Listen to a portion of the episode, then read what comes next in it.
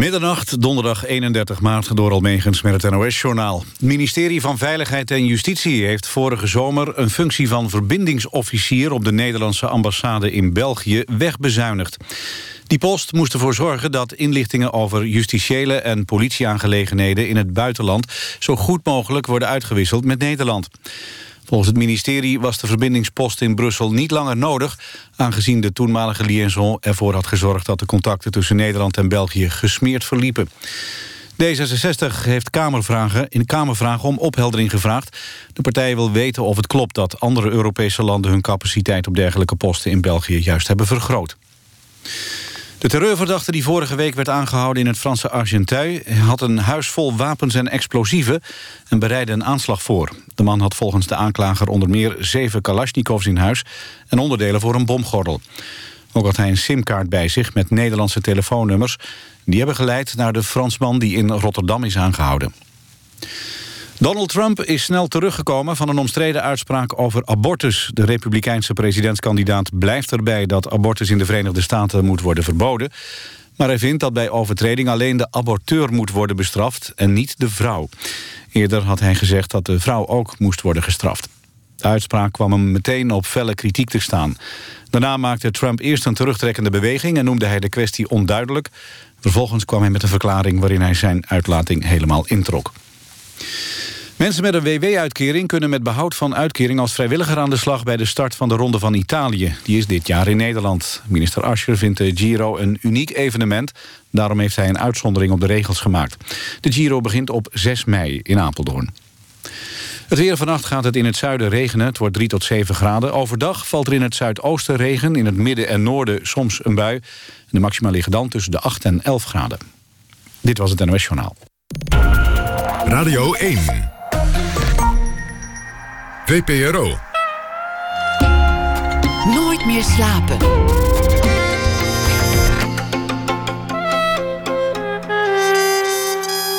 Met Pieter van der Wielen.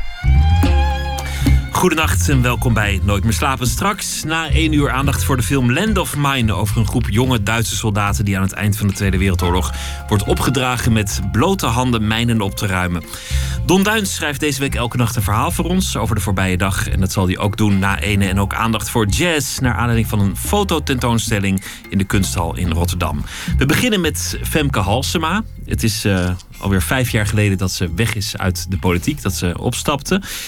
Niet veel mensen doen dat in Nederland, maar ze heeft haar politieke memoires geschreven. Plus heet het boek. Plus, terwijl ze er nooit echt op heeft gezeten, want in de regering kwam ze nooit. Femke Halsema zat eh, jarenlang in de Tweede Kamer voor GroenLinks tussen 1998 en 2011. Ze is geboren in 1966. Tegenwoordig heeft ze bestuursfuncties en uh, probeert ze aan de bak te komen als publicist. Dat is volgens mij het uh, grote plan. Welkom, Femke Halsema. Dankjewel. Ik zit tegenover iemand die zeer ervaren is met het interview. In, in je, even je vorige boeken over de linkse lente schrijf je hoe goed je bent geworden in ontboezemingen. Wat je wel moet zeggen, wat je niet moet zeggen, hoe je je eigen imago moet sturen, welke anekdote je moet aandikken, hoe je een beeld moet neerzetten van jezelf. Ja, ja. En wat je daarmee ook vooral niet hoeft te vertellen. Want daar gaat het om, wat je niet hoeft te vertellen. Nou, wat ik, ik, toen ik net de politiek inging, was ik veel te open. Ik um, uh, trad uh, parlementaire journalisten tegemoet. Die wilden dan dingen van me weten. En ik dacht, ja, als je met elkaar praat... dan doe je dat toch een beetje vriendschappelijk. Dus ik ging hen zitten uithoren over hun relaties en kinderen. En begon zelf ook heel openhartig te vertellen. Nou, dat bekwam mij niet echt goed. Want um, ja, de echtscheiding van mijn ouders, dat ik gepest was op de lagere school. Alles kwam in die kranten terecht. En niet alleen schrok ik zelf ervan dat het uitvergroot en zwart op wit er toch wel anders uitziet dan wanneer je het in een café aan iemand zit te vertellen. Maar de mensen in mijn omgeving die in al die particuliere oprispingen van mij werden getrokken, vonden dat natuurlijk ook niet erg leuk. mijn moeder bijvoorbeeld vond het echt vreselijk dat ik ook alsmaar over haar privéleven aan het praten was. En wat ik langzamerhand leerde, dat was dat de meeste journalisten eigenlijk alleen de knipselmap lazen als ze met me praten. En altijd weer over diezelfde drie anekdotes begonnen... die ik in die eerste periode te openhartig had... en daar nooit meer achter zochten. Dus al snel werd deze zogenaamde openhartigheid... werd eigenlijk een beschermwal waarachter ik mezelf kon verbergen. En dat was heel handig. Dus dan vertelde je nog een keer dat je was gepest op school, dat je ja. buitenstaander was, dat je de politiek van huis uit een beetje had meegekregen. Ja, eigenlijk, eigenlijk altijd hetzelfde afgeronde persoonlijke verhaal. En het, het overkwam me ook wel eens dat ik, dat ik dan tegen een journalist zei: Ja, nu zou ik wel eens iets heel anders willen vertellen. Maar daar waren ze dan niet op ingesteld, omdat ze eigenlijk al wisten dat het verhaal dat ze kenden uit de knipselmappen goed zou verkopen. En voor jou kwam het ook uit, want het maakte Eigenlijk je sympathiek en het maakte je menselijk. Je schrijft, en, en, dan haal je de, de Canadese denker en politicus uh, Ignatjev aan, dat je in een cultuur van letterlijkheid wordt gezogen zodra je de politiek ingaat. Ja. Niemand is nog bereid om, om ironie te vatten of, of om een anekdote te relativeren. Ja. Alles wordt gewogen. Ja, gestoorde letterlijkheid noemt hij dat. En dat is trouwens een hele interessante man. En als je nou voor mooie politieke memoires hebt... dan heeft hij ze geschreven, Vuur en As, Fire and Ashes. Ehm, ja, en hij beschrijft, hij was heel lang um, uh, als rechtsfilosoof aan universiteiten verbonden, dus leidde een teruggetrokken, uh, denkend bestaan, waarin mensen vergevingsgezind je tegemoet treden. Mensen, je, je zegt iets en een half uur later denk je, oh, dat heb ik eigenlijk niet goed geformuleerd. Of ik bedoelde het een beetje anders. Of het was niet aardig. En um, dan zeggen mensen, oh ja, kan gebeuren. Uh, heb ik ook wel eens. Maar niet als je politicus bent. Als je politicus bent, dan um, doe je bijvoorbeeld een uitspraak tegen een journalist. En dan bel je hem later. En dan zeg je, ik heb mezelf niet goed uitgedrukt. Ik bedoelde eigenlijk iets anders te zeggen. Dan maar je hebt het gezegd. Je hebt het zo en zo gezegd. Dus dat gaan we ook zo en zo publiceren. Dus er is geen enkele mogelijkheid meer om jezelf nog eens te corrigeren of van gedachten te veranderen. Of om iets uit te proberen, een, een, een ballonnetje op te werpen, een, een, grapje te maken, wat dan ook. Ja, en, en uh, een fout die je maakt, en dat is natuurlijk met social media nog sterker geworden, die blijven voor altijd bestaan. Dus een, een rare opmerking die ik in 2006 heb gemaakt, die kun je als je googelt, heb je hem zo weer. Ik zou er zo een paar kunnen noemen, maar dat gaan we niet doen. We kunnen een heel uur over, over incidenten en citaten uh, gaan praten. Maar hoe kom je daar vandaan als je, als je opstapt? Hoe, hoe ben je dan in eerste instantie veranderd en wat voor persoon verlaat de politiek en wat voor psychische gesteldheid verkeer je dan? Uh, opgewonden, als een opgewonden standje. Um, Adrenaline, suizende. Ja. Ja, ik weet, ik vertrok met uh, mijn gezin um, naar Noord-Italië direct nadat ik had aangekondigd dat ik wegging. En we gingen naar een gebied in de bergen waar het echt zo stil was. Ik bedoel, er was één plaatselijke supermarkt, er was verder niks te doen. En dat was natuurlijk ook de bedoeling. We zouden gaan sleeën, een dagje uit naar Ven uh, Venetië. En ik, had zoveel moeite om me te voegen naar de stilte en naar de rust. En dan stond ik af en toe stiekem in het tuintje bij het huisje dat we hadden gehuurd. Zocht ik uh, bereik. En dan stond ik stiekem het Twitter-account te checken. Omdat ik heel veel moeite had om die, nou ja, die snelheid van je, van je dagelijks leven te laten. Die constante impulsen, dat, dat, dat ja, rennen. Die prikkels die er steeds binnenkomen. Ja, dat is heel moeilijk om dat met rust te laten. En wat, wat het ook zo moeilijk maakt, is dat eigenlijk je zelfwaardering daar heel erg mee verbonden is. Is dat je bent gaan denken door die, doordat je steeds geprikkeld wordt. Hè, dus er verschijnen stukken in de krant. Je bent in conflict met een minister. Er is steeds de buitenwereld is eigenlijk altijd aanwezig. Um, schiet er ook heel makkelijk de gedachte in dat op het moment dat de buitenwereld niet meer met je bezig is, dat je het niet goed hebt gedaan. Dus dat, je, dat het er niet toe doet, omdat je niet nee, genoemd dat jij, wordt. Dat jij er niet meer toe doet, of dat je gefaald hebt. Of, um, maar ook, er, daar zit, ja, er zit iets heel megalomaans in... Uh, ook dat je mensen in de steek hebt gelaten... omdat je een dag geen mening hebt gegeven. Een soort, ja, Tofik Dibi noemde dat, dus die noemde dat in een, in een boek van Max van Wezel. En dat, dat was ook zo'n citaat dat, dat ging zingen. Maar, maar wat ik eigenlijk heel mooi vond dat hij het zei... dat, dat hij tv-verslaafd was. En niet tv-verslaafd dat hij de hele dag met de afstandsbediening in zijn hand zat. Maar tv-verslaafd dat hij de hele dag verlangde naar de camera. Ja, ja ik denk... Uh, ik ken de uitspraak van Tovik. Mijn verhouding is, denk ik, al zou je dat misschien niet zeggen ambivalenter ermee geweest. Ik heb ook altijd. Um, ik heb het nooit leuk gevonden. Om op tv te komen? Nee. nee, wel de waardering die erbij hoort. Maar daartegenover staat overigens een enorme bak vullis die je over je heen krijgt. Maar het. Um, op televisie verschijnen. Kijk, er zijn mensen die ehm, hun stoel innemen in een talkshow, lekker achteroverleunen en denken: Nou, dan ga ik eens een avondje kletsen. En ik weet van mezelf dat ondanks jarenlange ervaring, is dat ik altijd heel nerveus word. Ehm, ook altijd een beetje bang. Ehm, en het altijd een heel ongewone setting blijf vinden, waarin ik het ook heel moeilijk vind om ontspannen te opereren. Want je moet ontspannen zijn, maar tegelijk is er dat risico voor al die uitglijers. Ja. Weer zo'n uitspraak die, die weer de rest van je leven zal terugkomen. Ja, ja dat, zijn, het zijn, maar dat geldt niet alleen voor politici. Dat geldt eigenlijk voor alle mensen die in de publieke sfeer en heel zichtbaar opereren. Je bent voor een vrij ingewikkelde taak gesteld. Want je moet inderdaad ontspannen overkomen, uh, spontaan. Maar zeker niet zo dat je je vergalopeert. Um, en, en uitspraken doet die je later kan uh, berouwen. Zoals je ook niet in je neus kan gaan zitten peuteren. Dus je ontspannenheid moet natuurlijk wel enigszins gemanireerd blijven. Bedacht. Die, diezelfde Ignatjev die zegt dat hij in de tijd dat hij politicus was... Ja. en jij citeert dat ook, ook in je boek... alleen maar bezig was met zenden. En nauwelijks nog met studie, met lezen, ja. kortom met ontvangen. Hij was steeds zijn eigen boodschap aan het uitdragen... Ja. Ja. En had nauwelijks nog tijd om zich ergens in te verdiepen. Om zichzelf te verversen of die boodschap ergens vandaan te halen. Ja. Nee, dat klopt. Dat was voor mij ook. Ik beschrijf dat moment in het boek.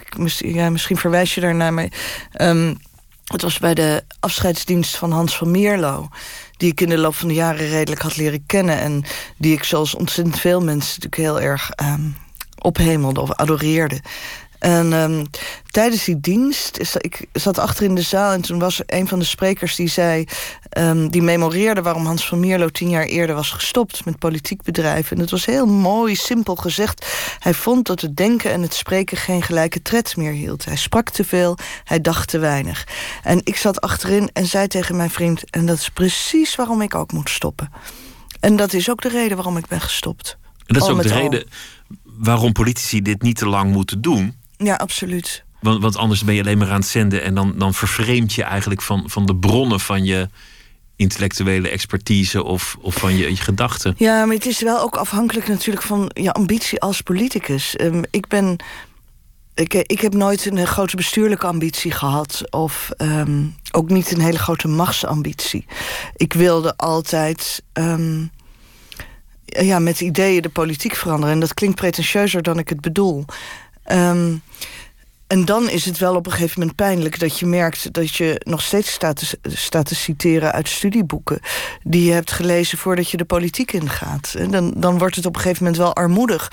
Of dat je aan jezelf merkt. Zeker als fractievoorzitter moet je natuurlijk een generalist zijn. Dus dat, ze, dat mensen konden op een knopje drukken. AOW, oorlog in Afghanistan. Ik bedoel, je kon het zo gek niet verzinnen. En er kwam wel wat uit. Maar het was natuurlijk allemaal heel oppervlakkig. Niet echt een machtsambitie. Dat vind ik, vind ik trouwens wel een uitspraak om, om even op door te gaan. Want politiek gaat toch over macht? Ja, dat was toch jouw, jouw missie om GroenLinks in die regering te krijgen... om die kiezers de weg naar het plus te wijzen? Nee, en dat was klopt. Niet, en het was niet echt je ambitie.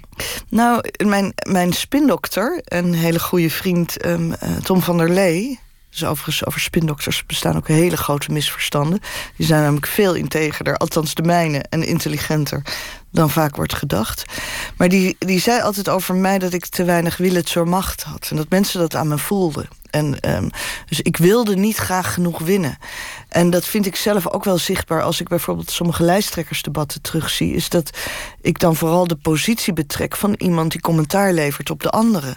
Maar niet denkt, ik ga hier een slachting aanrichten en ik ga dit kosten wat kost winnen. Toch te veel een beschouwer die het liefst langs de zijlijn zou staan en het, het hele spel overzien. Ja, dat was wel een beetje mijn makke. Dat neemt niet weg dat ik wel als deel van mijn taakopvatting natuurlijk het uh, uh, vond dat GroenLinks ging, regeren. Ik analyseerde het politieke bedrijf wel als um, uiteindelijk de strijd om de macht. Waarbij GroenLinks ook om serieus genomen te worden... dichter op die macht moest gaan kruipen... en uiteindelijk ook moest zorgen dat ze de macht bezat. Wat je niet is gelukt, daar gaat het ook voor een groot deel over in, in het boek. Dat is waarschijnlijk ook wat in de geschiedenis van GroenLinks... en daarmee ook de geschiedenis van jouw politieke carrière... uiteindelijk de, de, de onderliggende boodschap zal zijn: het is niet gelukt. Ja. Je bedoelt regeren? Regeren is niet gelukt. Waarmee GroenLinks een hele sympathieke oppositiepartij bleef, maar, maar nooit echt daar is gaan zitten. En dat is Nog volgens mij. niet, hè? Het kan veranderen. Wie weet, wie weet. Maar dat is volgens mij toch het doel van een politieke partij om uiteindelijk macht te verkrijgen. Dat is gewoon Nou, het spel. Ja, ik vind eigenlijk dat elke politieke partij twee eh, doelen moet hebben. Elke, elke politicus, elke parlementariër. Eh, natuurlijk, ehm, de strijd om de macht is echt een kernelement van democratische politiek. Maar niet alleen. Het ehm, democratische gesprek. Het ehm, debat. Ja, en de ideeënuitwisseling is een even belangrijk doel. En ehm, ik ben zelf altijd veel, veel hartstochtelijker geweest in dat tweede doel.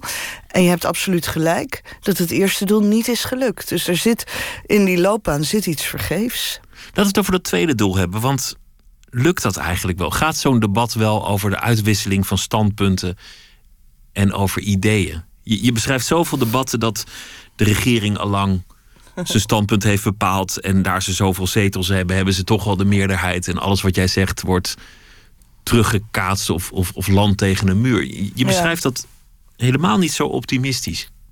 Nee, ik vind eh, onze parlementaire cultuur niet altijd even fraai. Dat heeft veel te maken met de coalitiepolitiek die we kennen.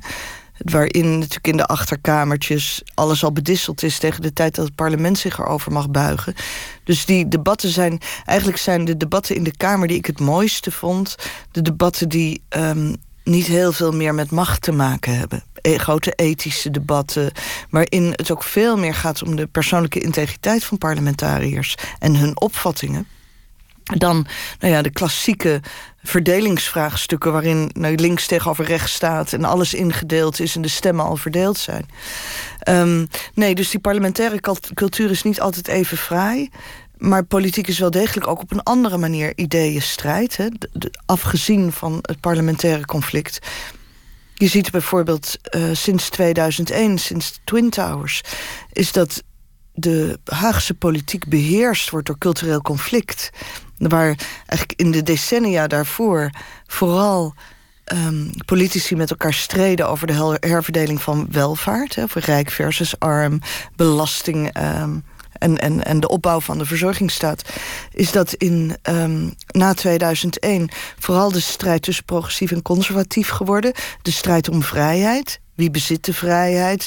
Hoe, eh, eh, hoe verdedigen we onze vrijheid? Hoeveel repressie staan we toe?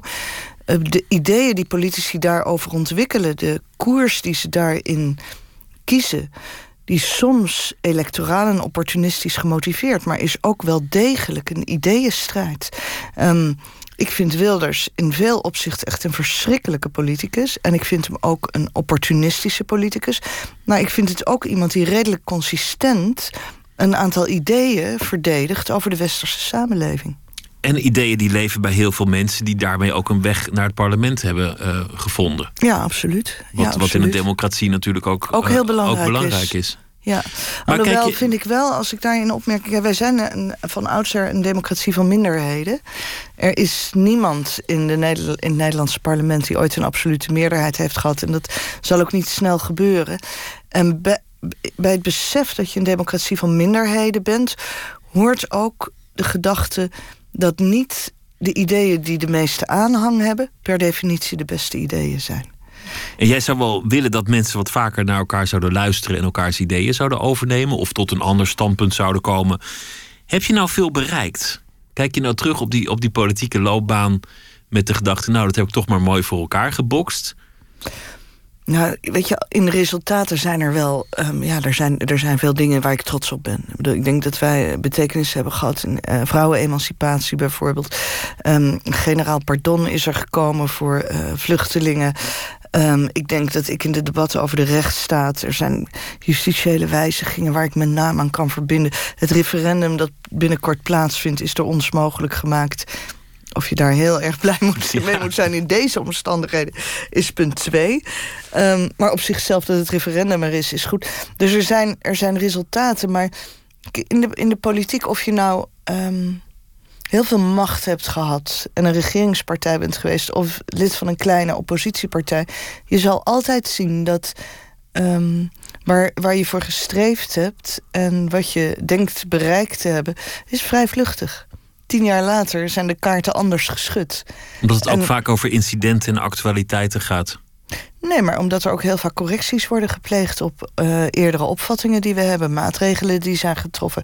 Dus waar ben ik nou trots op, op al die, uh, op wat ik heb gedaan? Of wat vind ik. Kijk, um, toen ik um, fractievoorzitter werd in, in 2002, 3, in eind 2002 toen um, was het tij heel ongunstig. Het, het, maatschappelijke en culturele klimaat was, zat niet te, daar, werd niet gewacht op mensen als ik. Ik was te rechtsstatelijk, ik werd te soft gevonden. Ik, uh, er was een socioloog uh, van Doorn, is inmiddels overleden... en die zei over mij, ze spuugt tegen de wind in.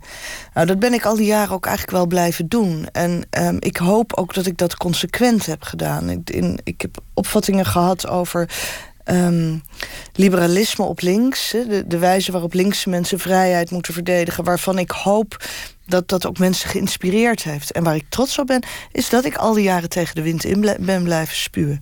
Maar je was politicus tegen wil en dank. Je bent erin gerold, je bent op een gegeven moment gevraagd. Het was nooit je grote droom. Dat pleit ook voor je dat het je, je droom was. Vind ik sympathieker, een politicus die er niet van heeft gedroomd. Maar volgens mij ben je er nooit helemaal uitgekomen of je het nou echt politica had willen zijn. En volgens mij weet je het nog steeds niet. Nee, maar ik heb het ook niet echt nagestreefd. Ik bedoel, ik heb wel. Um, ik ben wel. Ik heb wel stappen gezet waardoor ik dichter op de politiek kwam, maar ik heb niet geambieerd. Ik wil partijleider worden of zo. Maar je bent er 13 jaar geweest. Parlementariër, ja. Nee. 13 jaar van je leven en dan ook nog, nog aan, aan de jonge zijde van het leven. Dat zijn, dat zijn belangrijker jaren dan de, dan de, de, jaren later. En de vraag is of je daar nu nog zit. Um, of ik daar nu nog zit. Maar, um... ja, hoe kijk je daarop terug? Is, is dat een keuze waarvan je denkt, nou, dat heb ik, dat, ik ben zo blij dat me dat is overkomen? Of, of ja. zit die twijfel er nog?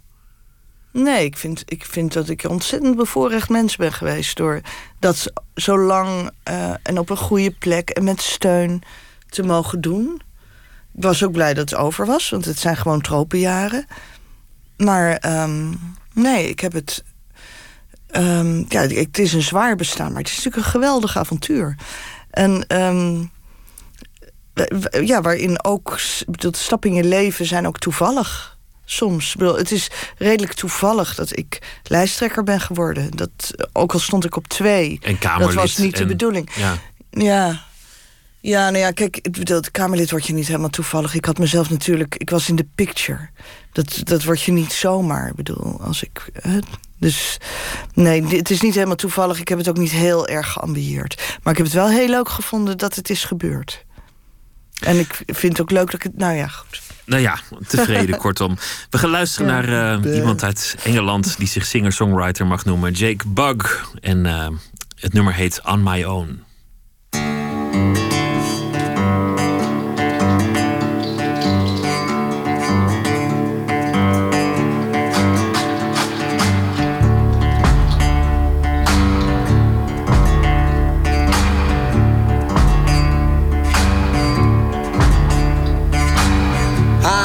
A poor boy from Nottingham. I had my dreams, but in this world they're gone, they're gone. Oh, I'm so lonesome on my one. Three years on the road, 400 shows.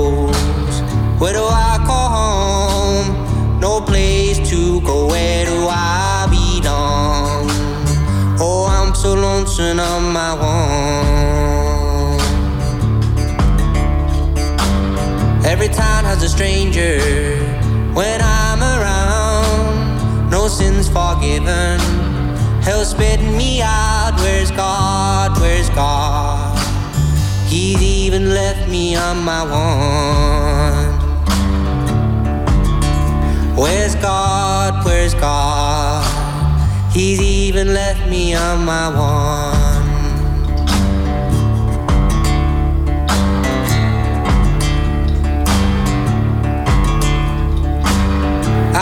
Just a poor boy from Nottingham. I had my dreams, but in this world they're gone, they're gone. I'm all so lonesome on my one.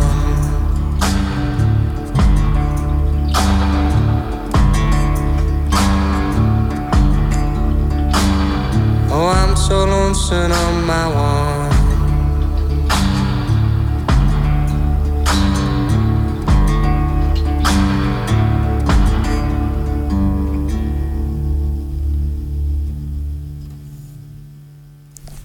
Jake Bug was dat on my own.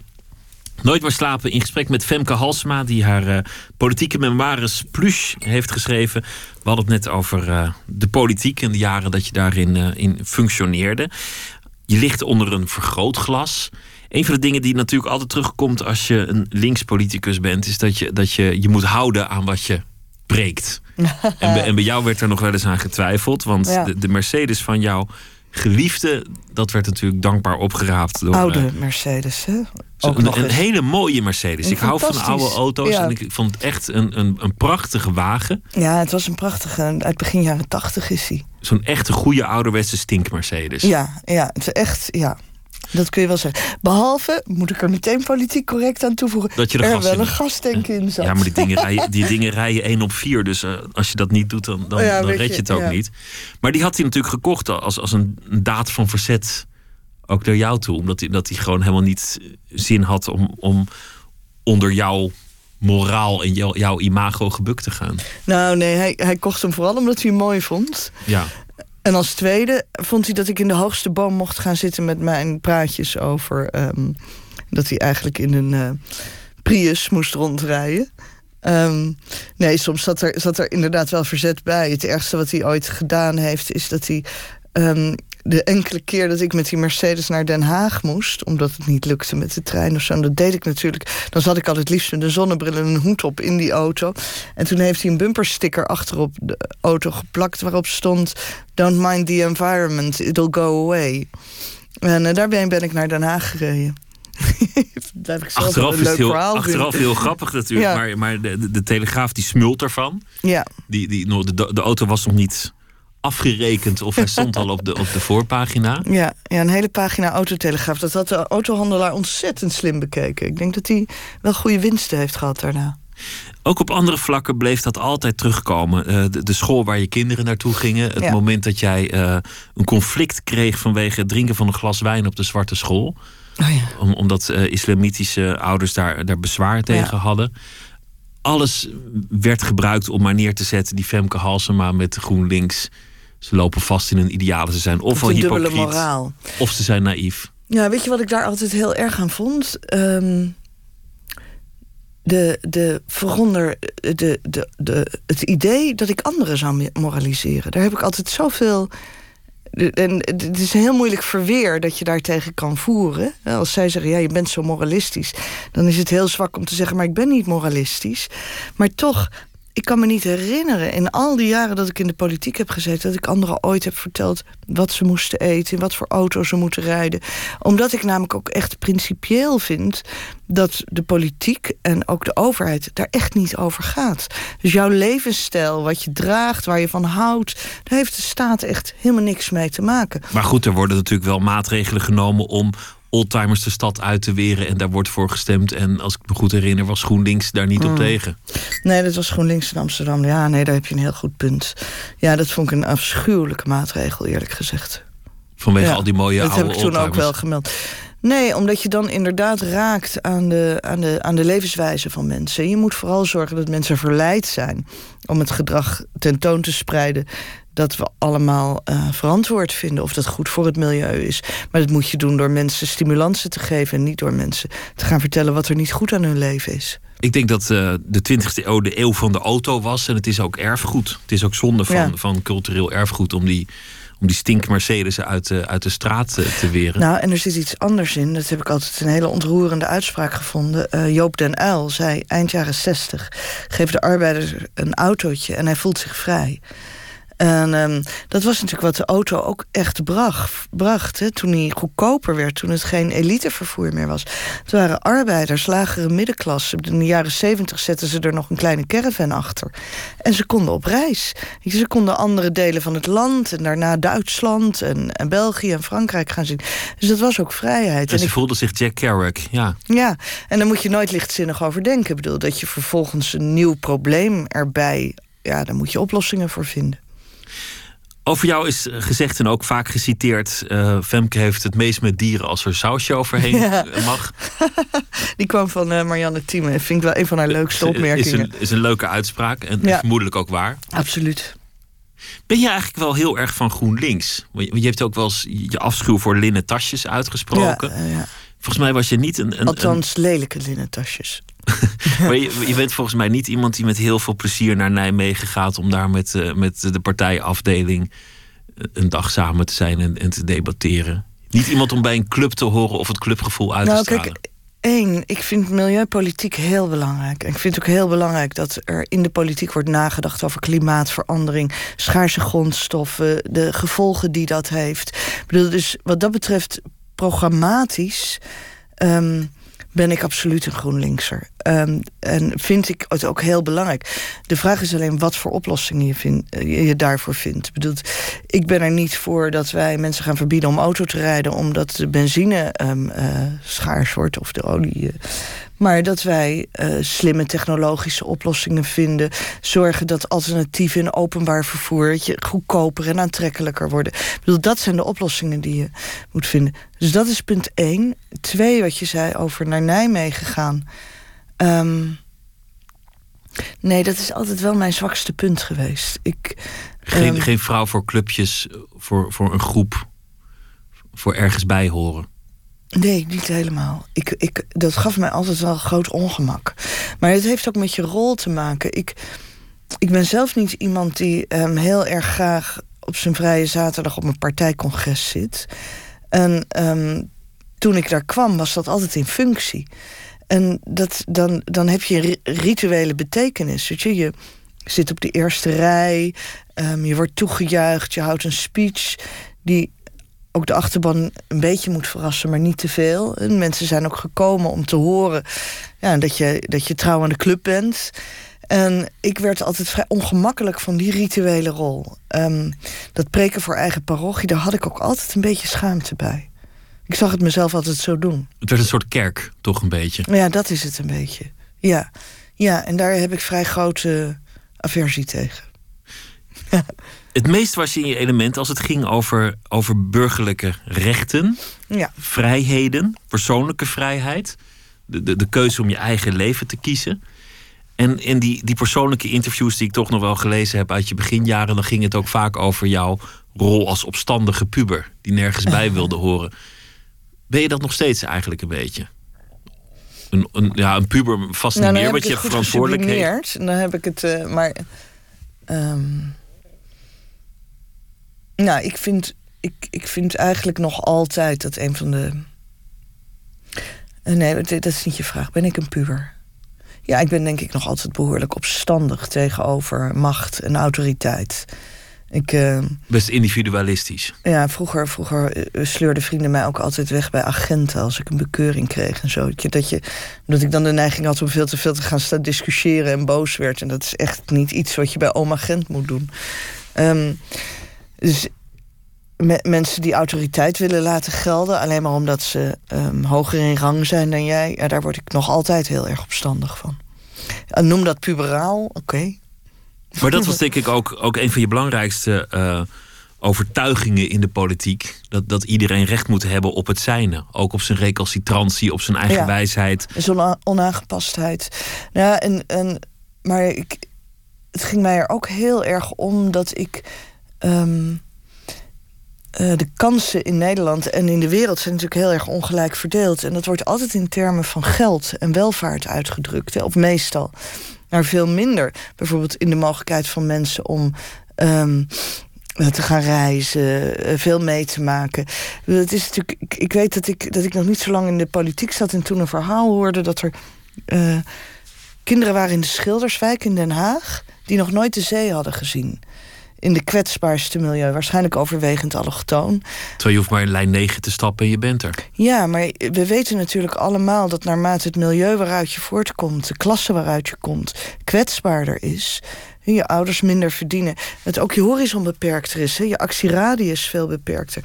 Dus ik, voor mij is ook. Um, um, linkse opvattingen hebben altijd moeten gaan over de bevrijding van mensen uit datgene wat ze beperkt. Of dat nou overheids dwang is, hè, een schending van mensenrechten, of bijvoorbeeld een heel slecht economisch perspectief en slecht onderwijs.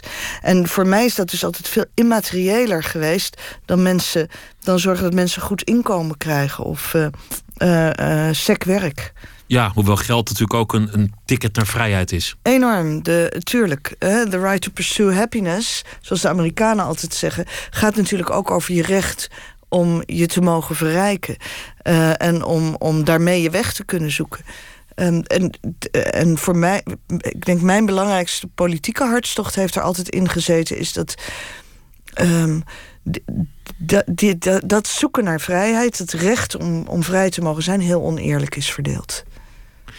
Eigenlijk zijn alle politici voor de vrijheid. De VVD die heeft het in de naam zitten. Geert Wilders heeft het in zijn naam zitten. Iedereen heeft het over, over vrijheid. Alleen dan hebben ze allemaal weer een, weer een ander beeld voor ogen. Van, van wat vrijheid is en hoe je het Ja, maar het is ook, kijk, dat is niet ons enige westerse uh, ideaal overgeleverd uit de Franse Revolutie. Ik bedoel, broederschap is er ook zo een en gelijkheid ook. Er is wel een heel groot verschil tussen.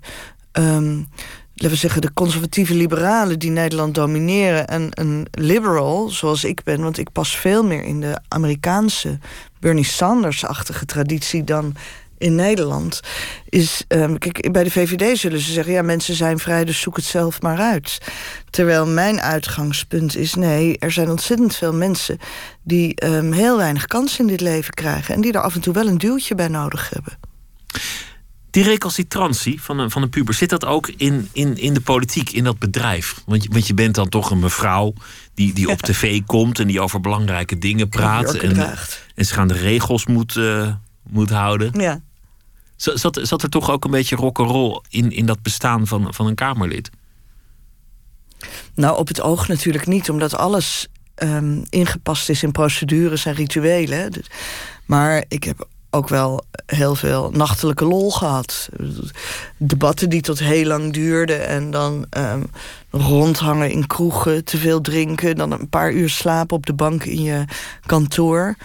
Om dan naar het bezoekerstoilet in de kamer te gaan... om daar even heel snel een clandestien te douchen... en dan naar de Zara te rennen om een nieuwe jurk te kopen. Is dat wat je bedoelt met rock and roll? nou, dat, dat, lijkt me, dat, heeft wel een soort puberaal ideaal in zich. Lekker laat naar bed, lekker, lekker vroeg weer op en uh, een, beetje ontheemd is het. Nou, er zit in het politieke bestaan natuurlijk iets heel onregelmatigs. Je bent, je bent ook vaak aan het werk als de rest van Nederland slaapt. Heerlijk is dat, vind ik. Ja, ja nou ja, het is, ja, jij, het is echt jouw werk. Ja. Um, Hoewel ik wel soms ook denk als ze om zes uur s ochtends een besluit nemen, dat besluit zou onmiddellijk ongeldig moeten worden verklaard. Dat is ook zo.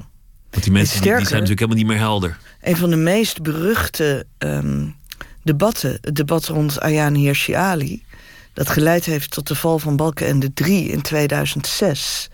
Dat was de opmerking die Balkenende maakte om half vijf uh, s'nachts ongeveer. Ik weet niet of je je die kan herinneren. De minister moest ermee kunnen leven. En dat ging erover dat minister Verdonk een verklaring had geëist van Ayaan Hirsi Ali... waarin zij haar excuses aanbood voor uh, de chaos die ze had veroorzaakt. En dan kreeg ze haar paspoort. In ruil voor een paspoort moest ze, moest ze Verdonk vrijpleiten. Precies, zo was het. En... Um, Balkenende werd die nacht gewoon heel erg moe. En de voorzitter die had ook al een keer gezegd... we moeten schorsen en dan gaan we de volgende dag door. Maar als lid van de oppositie, wij roken echt bloed. En dat weet je gewoon. Op een gegeven moment, diep in de nacht... dan weet je, als je het morgen... Eh, als je nu schorst en je gaat morgen door... dan gaat dit kabinet nooit meer vallen. Dan, want dan heeft iedereen kunnen nadenken, is iedereen weer verstandig. Dan passen ze weer op wat ze zeggen. En dan is het ook echt de kunst om door te gaan. We het toch over dat debat hebben en toch een beetje in de sfeer van roddel en achterklap komen. Gerrit, Gerrit Sam die moest per taxi uh, midden in de nacht naar de kamer komen. Ja. En die, die kwam op mij een beetje over alsof hij toch aardig dronken was. Ja, ik denk dat het op dat moment niet meer veilig was geweest als hij nog met de auto had gereden. Maar hij maakte wel een geweldige opmerking toen hij eenmaal achter het katheder stond om zich te verweren. Hij had op televisie zitten kijken naar een verdonk en wijsglas. En nou ja, al die, die, andere leden van de VVD-top... die zich in allerlei bochten stonden te draaien... omdat ze verdonk als potentiële lijsttrekker wilden steunen... maar ook niet de indruk wilden wekken... dat ze hun eigen Somalische Kamerlid bij het grofvuil zetten. En Sam ging daar staan en die begon te vertellen... zei hij, ja, ik dacht, laat ik het eens met de waarheid proberen. Dat vond ik een geweldige uitspraak. Loes Wies van der Laan liet toen het kabinet vallen van D66. En uh, weer zo'n gerucht is dat ze daarna zo snel mogelijk de stad wilde, in wilde om het te vieren en om applaus te oogsten. Maar omdat het inmiddels 6, 7 uur s ochtends was, waren er alleen nog maar een paar postbodes koffie aan het drinken. En dat verhaal ken ik niet. En het kan niet helemaal kloppen, omdat zij. Um, om vijf uur s'nachts heb ik een motie van wantrouwen ingediend. Die heeft zij gesteund toen. En dat daarmee. Maar zij heeft het kabinet pas de volgende ochtend, na de schorsing, nadat we allemaal een verse jurk hadden gekocht, uh, heeft ze het pas laten vallen. Dus voor haar kwam de ontlading pas een halve dag later. En daartussen is ze bij mijn weten nog enorm onder druk gezet door D66 in het kabinet en door de rest van het kabinet om uh, geen consequenties aan die motie van wantrouwen te verbinden. Oorlogsverhalen uit de politiek van uh, inmiddels ook alweer uh, tien jaar geleden. Ik wil een nummer draaien dat, dat in jouw boek voorkomt en dat voor jou een, een, belangrijke betekenis heeft gekregen, namelijk van Nick Cave. En No More Shall We Part. Dat is ook echt een nachtelijk nummer, is dat. And no more shall we part. It will no longer be necessary.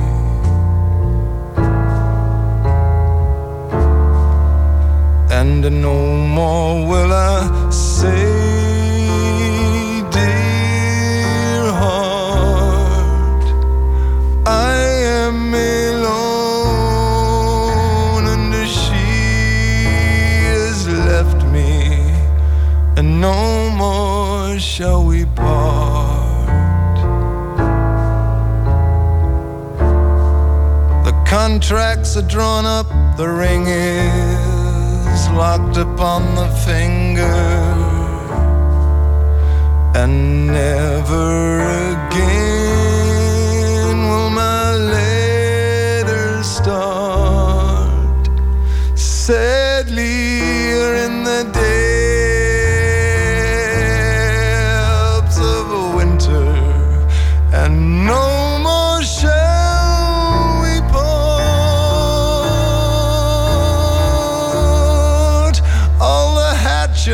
have been buried now,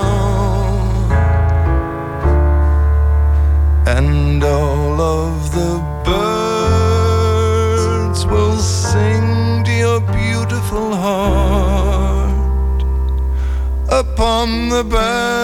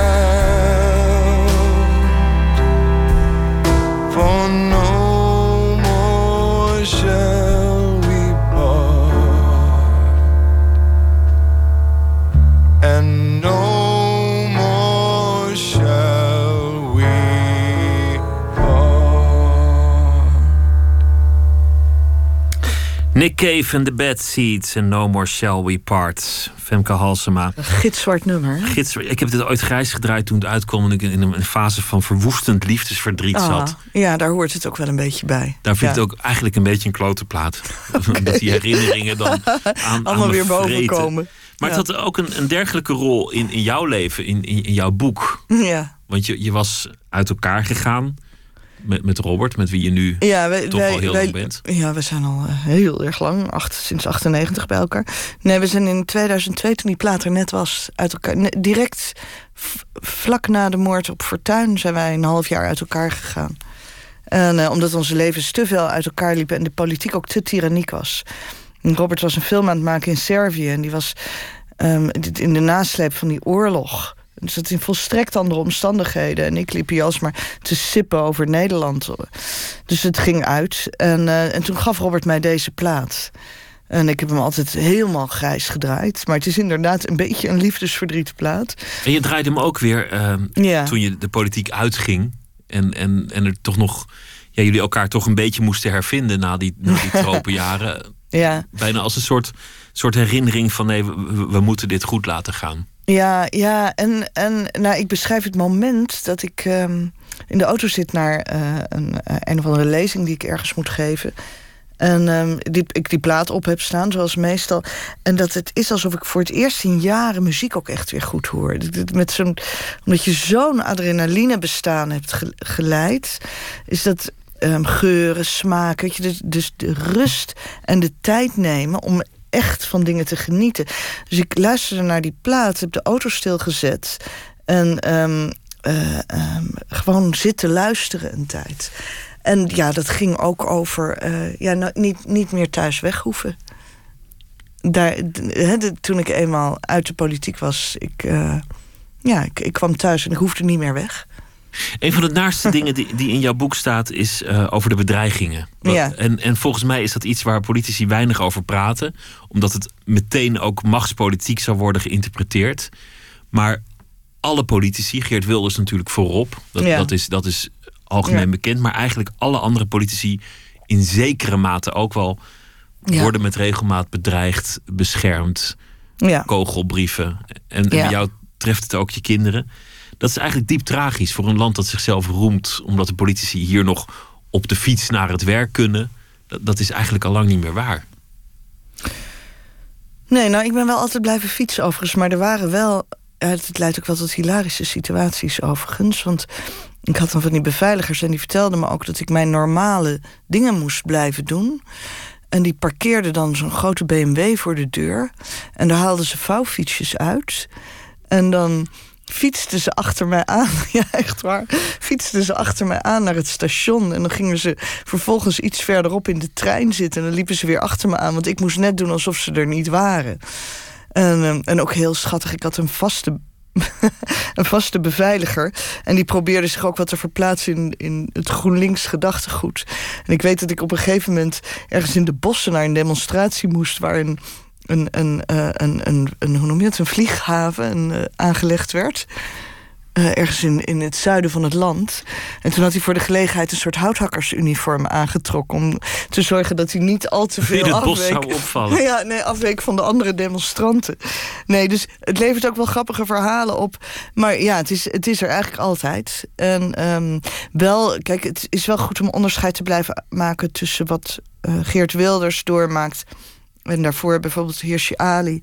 En wat de meeste andere politici. De, de- die beveiliging. Uiteraard. Dat is- gaat veel verder. Ja, en, en is hij is echt van een andere orde. echt een Al-Qaeda doelwit. En Ja. zijn leven is daarvoor doorgetekend. Ook al zou hij uit de politiek gaan, dat, dat zal nooit meer veranderen Nee, ik heb, waarschijnlijk. ik heb behoudens een paar weken her en der mijn bewegingsvrijheid er niet echt voor hoeven opgeven.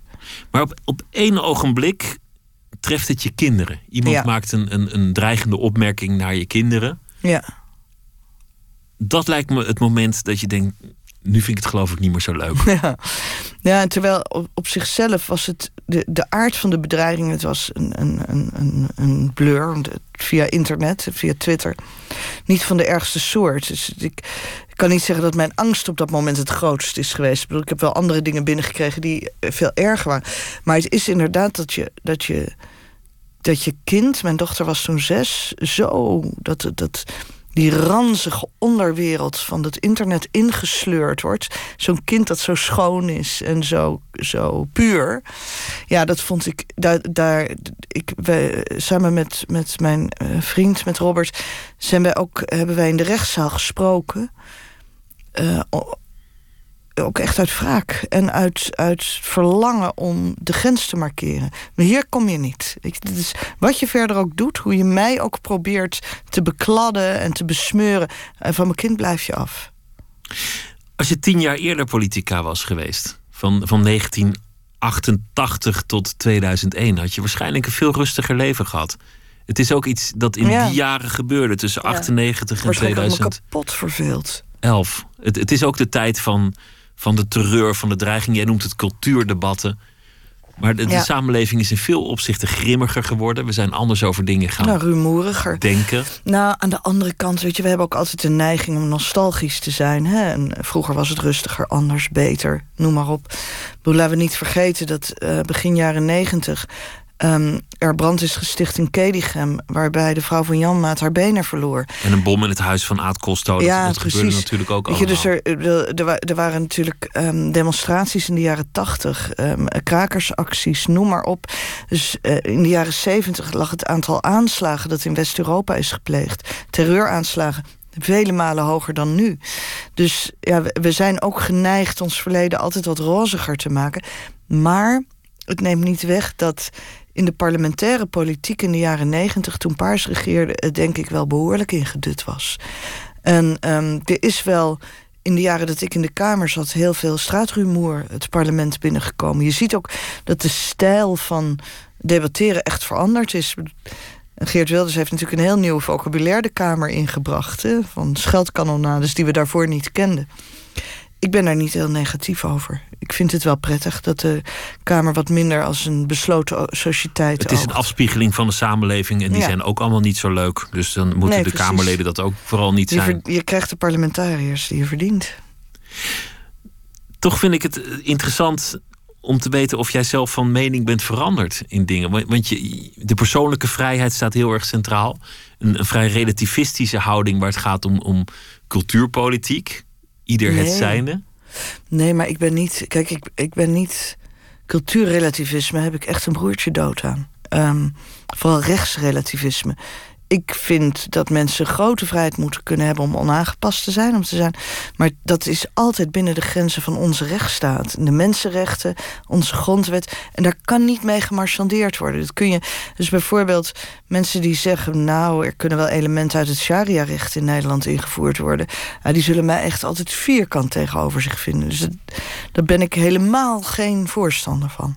Maar bijvoorbeeld eh, de discussie, en dat is eigenlijk volgens mij helemaal niet zo heel erg statistisch aan de hand, maar of, of een agent een hoofddoekje moet kunnen dragen, of, een rechter een hoofddoekje zou moeten kunnen dragen. Ik weet niet hoeveel rechters uh, er zijn die dat zouden willen, maar, maar vooruit. Het, is een debat geweest. Ja, maar ik heb dat altijd een vrij seksistische discussie gevonden. Want we voeren de discussie nooit over snorren. Terwijl er ook mannen zijn die snorren dragen om religieuze redenen. Waar het mij om gaat is dat elke Nederlandse agent zich houdt aan zijn beroepsopvatting en aan het Nederlands recht. En daar verder um, geen enkele uitzondering op maakt. En ik wil dat moslimvrouwen toegang hebben tot de Nederlandse politie en het Nederlands recht. En als een hoofddoekje dat in de weg staat, dan zou ik zeggen: kies dan de Engelse methode. Waar ze gewoon het uniform een beetje aangepast hebben. Um, want ik vind representatie van vrouwen in de Nederlandse politie. en dan vrouwen van allerlei smaken en achtergronden. vele malen belangrijker dan een stukje stof. Ik zou eerder neigen zeggen: een, een uniform is juist om je individualiteit af te werpen en te laten zien dat je, dat je van de staat bent. Ja, maar dan, eh, moet je een, dan maak je gewoon een hoofddoekje dat ook van de staat is. Vind ik allemaal best. Maar uh, kijk, voor een deel is het illusiepolitiek. Hè? Um, je kan wel tegen. Um, het, je verbiedt agenten ook niet om een kruisje te. Nou ja, het mag niet zichtbaar. Maar um, zijn geloofsopvattingen worden daarmee niet anders. Zijn vooroordelen, zijn racisme misschien soms. Dat, dat, dat, dat blijft erin zitten. Ik, ik vind het voor de symboliek wel belangrijk dat je ook aan een agent altijd ziet dat hij van de Nederlandse politie is. En dat hij het Nederlands recht eh, huldigt. Ik vind het leuk om te merken dat je nog steeds toch wel eh, zin hebt in een, in een debat en, en om ergens, ergens over te hebben.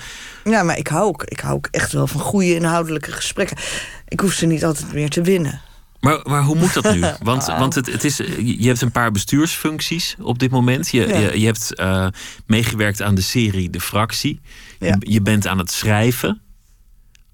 Maar, maar die, die, die lust om je te mengen in het debat en, en om, om een beschouwer te zijn, om de boel te overzien. Nou, wat kijk, ga je wat, daarmee ik, wat, ik, wat ik voor, me, voor mezelf heb gedaan is... ik ben de helft van de week ehm, bestuur ik. Bijvoorbeeld de Vereniging Gehandicaptenzorg. Maar ik zit ook bij Stichting Vluchteling. En daarmee voel ik mij maatschappelijk nuttig. Ehm, en verantwoordelijk. Dat doe ik ook met veel liefde. En ik verdien er ook geld mee. Ehm, en daarmee koop ik mezelf vrij om... ehm, eh, en ik doe, bedoel, ik doe erbij ook nog vrijwilligerswerk. Dus het, het- soms loopt het wel in de vier, vier en een halve dag. Om daarnaast bijvoorbeeld een documentaire serie met mijn vriend te maken, een nieuw boek te schrijven. Ik, heb, ehm, ik schrijf af en toe nog voor de correspondent, al doe ik dat niet vaak meer, maar dat heb ik in de beginfase wel vaak gedaan. Ehm, en zo hoop ik ehm, en te kunnen leren, dus en me te kunnen blijven ontwikkelen, maar tegelijkertijd ook. Kijk, ik ben wel gestopt met de politiek, maar ik heb niet al mijn engagement verloren. Ik wil het alleen niet meer via het politieke debat doen. In de ogen van velen zul je altijd toch een soort politica blijven. Ja. Dat, dat hebben, hebben veel van die oud-politici. Is dat vervelend? Ja, soms vind ik dat wel irritant. Omdat het. ehm, je wil heel graag op je eigen merites beoordeeld worden. En je wordt dan zo'n symbolische figuur waarbij iedereen denkt je meningen wel te kennen. En dat merkte ik heel erg toen ik voor de correspondent schreef. En dat is ook een van de redenen dat ik het minder graag doe. Is dat als je wekelijkse stukjes schrijft en je geeft meningen, dan moet je eigenlijk in het stuk kunnen verdwijnen. Terwijl als ik een stuk schrijf, dan, dan in de kolommen eronder zeggen mensen allemaal, maar vindt GroenLinks dat nou ook wel? En wat vond jij eigenlijk drie jaar geleden of zes jaar geleden? Terwijl je een open gesprek met mensen wil voeren. En dan is het af en toe wel lastig dat je altijd die politicus blijft ja, die al ingekaderd is. Op een dag zal dat. Maar eh, ik moet er ook zal niet over zeuren hoor. Er zijn mensen die een ergere last te dragen hebben. Het boek heet eh. Plus de politieke memoires en eh, de afsluiting van je politieke tijdperk. Vijf jaar nadat je de politiek eh, verliet. Femke Halsma, dank je wel. was leuk om Dankjewel, je te leuk praten. gesprek. We gaan zo meteen eh, verder met Nooit meer slapen. Don Duins die heeft een verhaal geschreven over de voorbije dag. Dat zal hij zo eh, voordragen. We gaan het hebben over een nieuwe film over de Tweede Wereldoorlog. Over Duitse soldaten die werden gedwongen in Denemarken om landmijnen met de blote handen op te ruimen. En we gaan het hebben over jazz. Naar aanleiding van een foto-expositie in de kunsthal in Rotterdam. Met foto's van alle groten van Mingus tot Miles Davis. Dat allemaal zometeen. Twitter, het VPRO NMS. We zitten ook op Facebook. En u kunt ons podcasten via de website van de VPRO.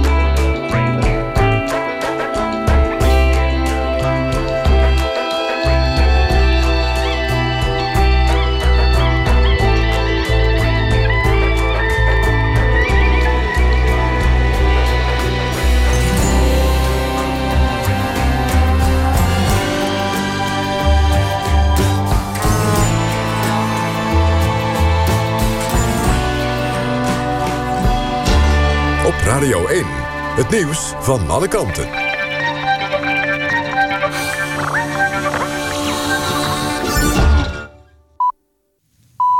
1 uur door Almegens met het NOS-journaal. In Qatar worden arbeiders die werken aan de stadions voor het WK voetbal in 2022 op grote schaal uitgebuit, meldt Amnesty International. De organisatie interviewde ruim 200 arbeidsmigranten. Wordt onder meer geklaagd over vieze en kleine onderkomens, minder salaris dan was beloofd en het innemen van paspoorten, zodat de werknemers Qatar niet kunnen verlaten. Het is niet voor het eerst dat er kritiek is op de arbeidsomstandigheden. De Britse kant The Guardian berichtte in 2014 dat er tientallen doden zijn gevallen bij de bouw van stadions in Qatar. Volgens Amnesty belooft de FIFA al vijf jaar stappen te ondernemen, maar is daar niks van terechtgekomen. Het ministerie van Veiligheid en Justitie heeft vorige zomer een functie van verbindingsofficier op de Nederlandse ambassade in België wegbezuinigd. Die post moest ervoor zorgen dat inlichtingen over justitiële en politieaangelegenheden in het buitenland zo goed mogelijk werden uitgewisseld met Nederland. Volgens het ministerie was de verbindingspost in Brussel niet langer nodig, aangezien de toenmalige liaison ervoor had gezorgd dat de contacten tussen Nederland en België gesmeerd verliepen. D66 heeft om opheldering gevraagd. De partij wil weten of het klopt dat andere Europese landen hun capaciteit op dergelijke posten in België juist hebben vergroot. In Alkmaar is een jongen van 17 opgepakt... die zou hebben gedreigd de website van de Belastingdienst plat te leggen met een DDoS-aanval. Op Twitter verschenen volgens de politie de afgelopen dagen berichten... dat de Belastingdienst zou worden aangevallen... zodat mensen geen aangifte konden doen. Nieuwswebsite Vice plaatste gisteren een interview met de jongen... die zei achter het betrokken Twitter-account te zitten. In het interview zegt hij dat hij eerder de websites van de publieke omroep... heeft platgelegd met DDoS-aanvallen. Bij een DDoS-aanval wordt een computersysteem bestookt met extreem veel bezoek... waardoor de website onbereikbaar wordt. Het weer vannacht in het zuiden regen, 3 tot 7 graden. Overdag valt er in het zuidoosten regen, in het midden en noorden soms nog een bui. De maxima liggen dan tussen de 8 en 11 graden. Dit was het NOS Journaal. NPO Radio 1. VPRO. Nooit meer slapen.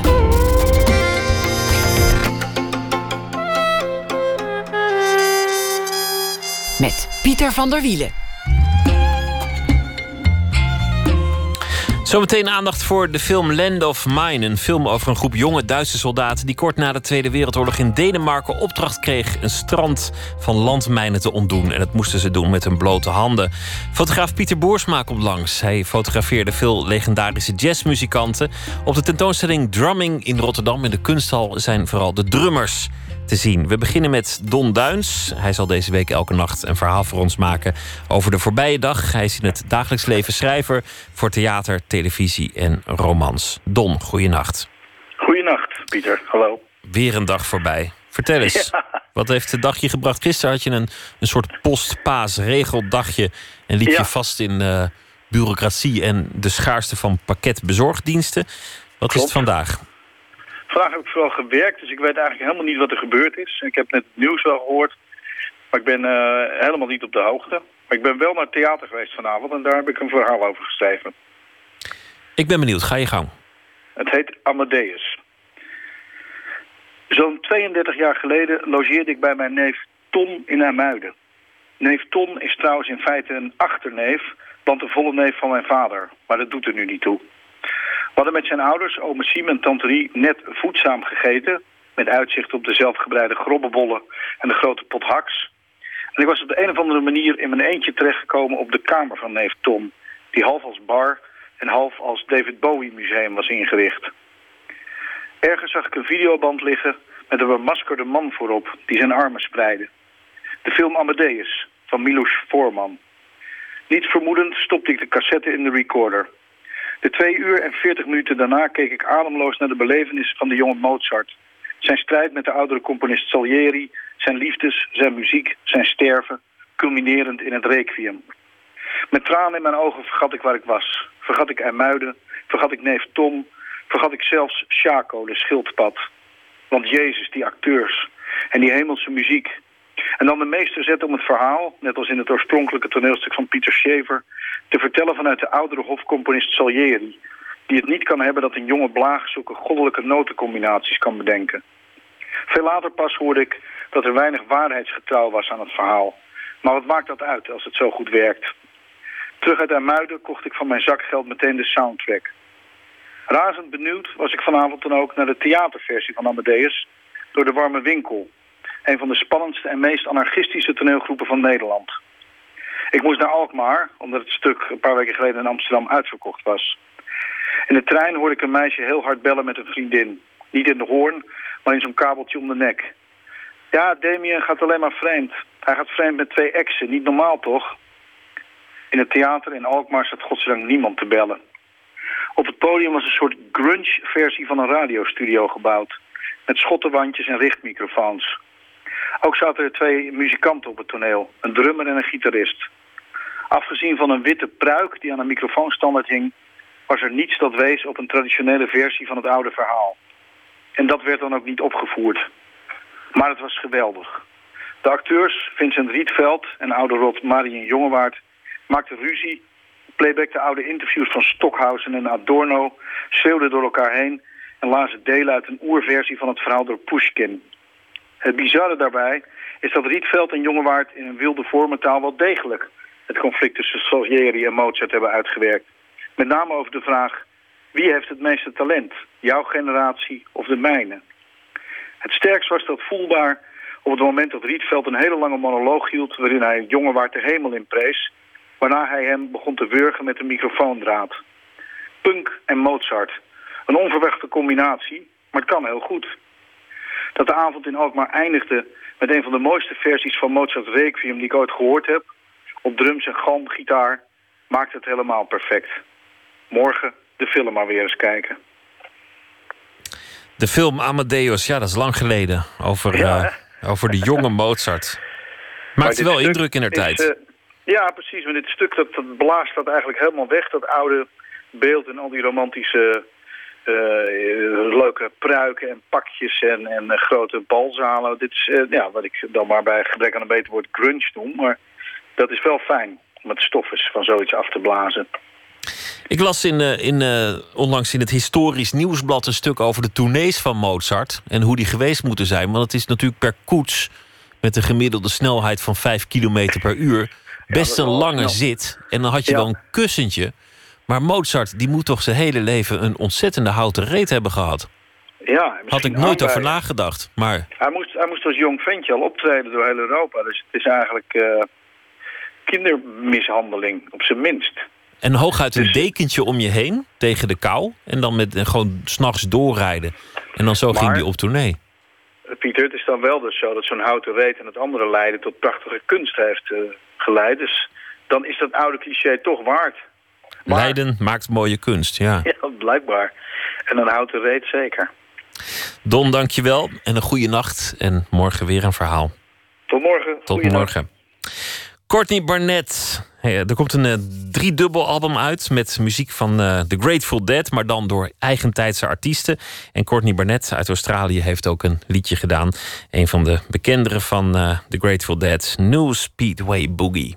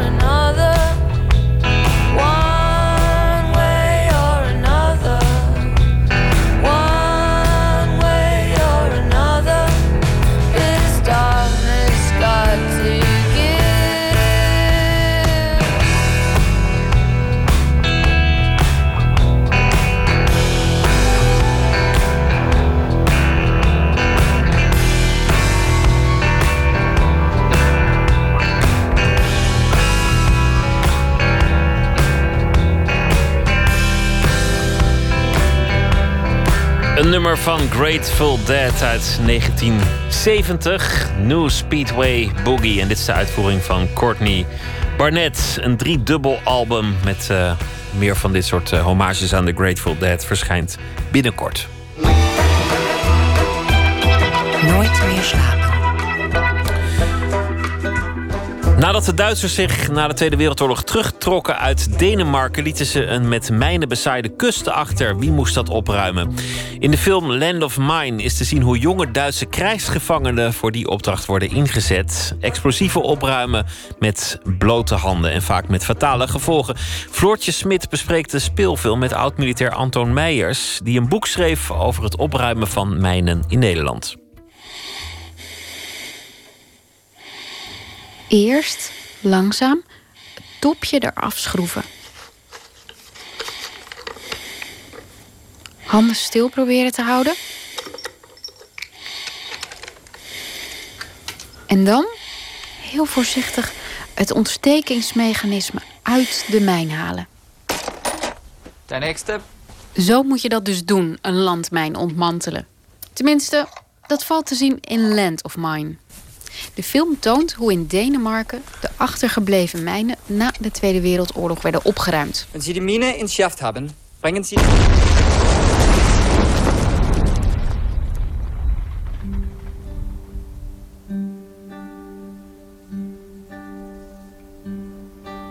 Het was een levensgevaarlijke klus die de Denen overlieten aan Duitse krijgsgevangenen. Bleekmuiltjes vaak nog, soms niet eens ouder dan 14. Als het een mijn is met een uh, antidemontage-inrichting... dan zal hij meteen ontploffen op het moment dat je hem uh, openschroeft. Is een zo'n mijn zoals in de film. En je moet die ontsteker eruit halen. Wat er dan mis kan gaan is dat de ontsteker zeg maar, een beetje vast is gecorrodeerd. En dan door het uh, wrikken en wrijven van de mijn toch naar de lucht in gaat. Anto Meijers maakte deel uit van de explosieve opruimingsdienst. Hij schreef het boek Achtung Mine, Danger Mines... over de situatie in Nederland... Ook hier werden Duitsers en SS'ers ingezet. Nou, het is toch al een klein beetje de zwarte bladzijde van de Nederlandse geschiedenis. Hè? Het inzetten van krijgsgevangenen eh, tegen de conventie van Genève in. Alleen, ik zeg heel eerlijk, je moet wel teruggaan in de tijd. Kijken hoe de, de gedachte in die tijd was, hè, de mindset. En wie had het anders moeten doen? Ja, wie dan? De Duitsers hadden die rotzooi neergelegd, dus die moesten het maar oplossen. Dänemark ist nicht ihr Freund. Für uns dienen sie nur einem Zweck.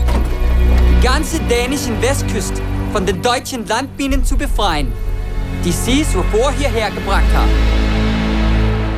In Nederland werkten er ook vrijwilligers mee met het opruimen. Maar in totaal werden er 6300 krijgsgevangenen ingezet. 1,3 miljoen mijnen ruimden ze.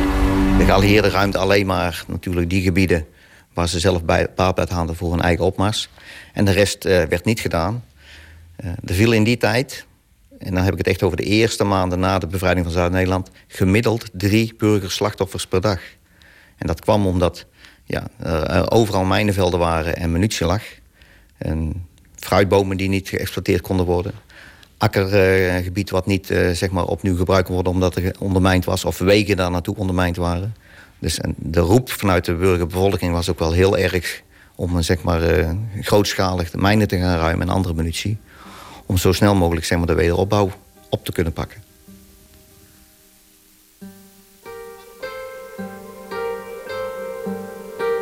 In de traditiekamer van de explosieve opruimingsdienst...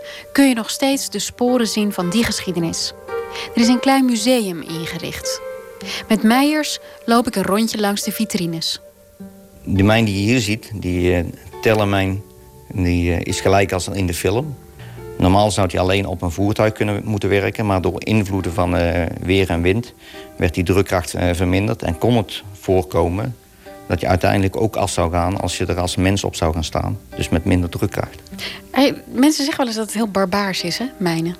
Nou ja, alles is barbaars, maar de barbaren zijn we eigenlijk zelf, want wij maken ze. Maar het is zo'n een landmijn die discrimineert niet, om het zo maar te zeggen. Als hij ergens ligt en uh, hij wordt geactiveerd... dan maakt het niet uit of het nou een militair is... de zogenaamde vijand of een onschuldig kind. Ja, mijnen discrimineren niet en daarvoor...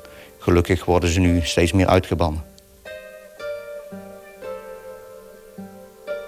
Als deskundige had Meijer wel wat kleine kritiekpuntjes op Land of Mine. Wat betreft de landmijnen ziet dat echt uh, technisch heel goed uit.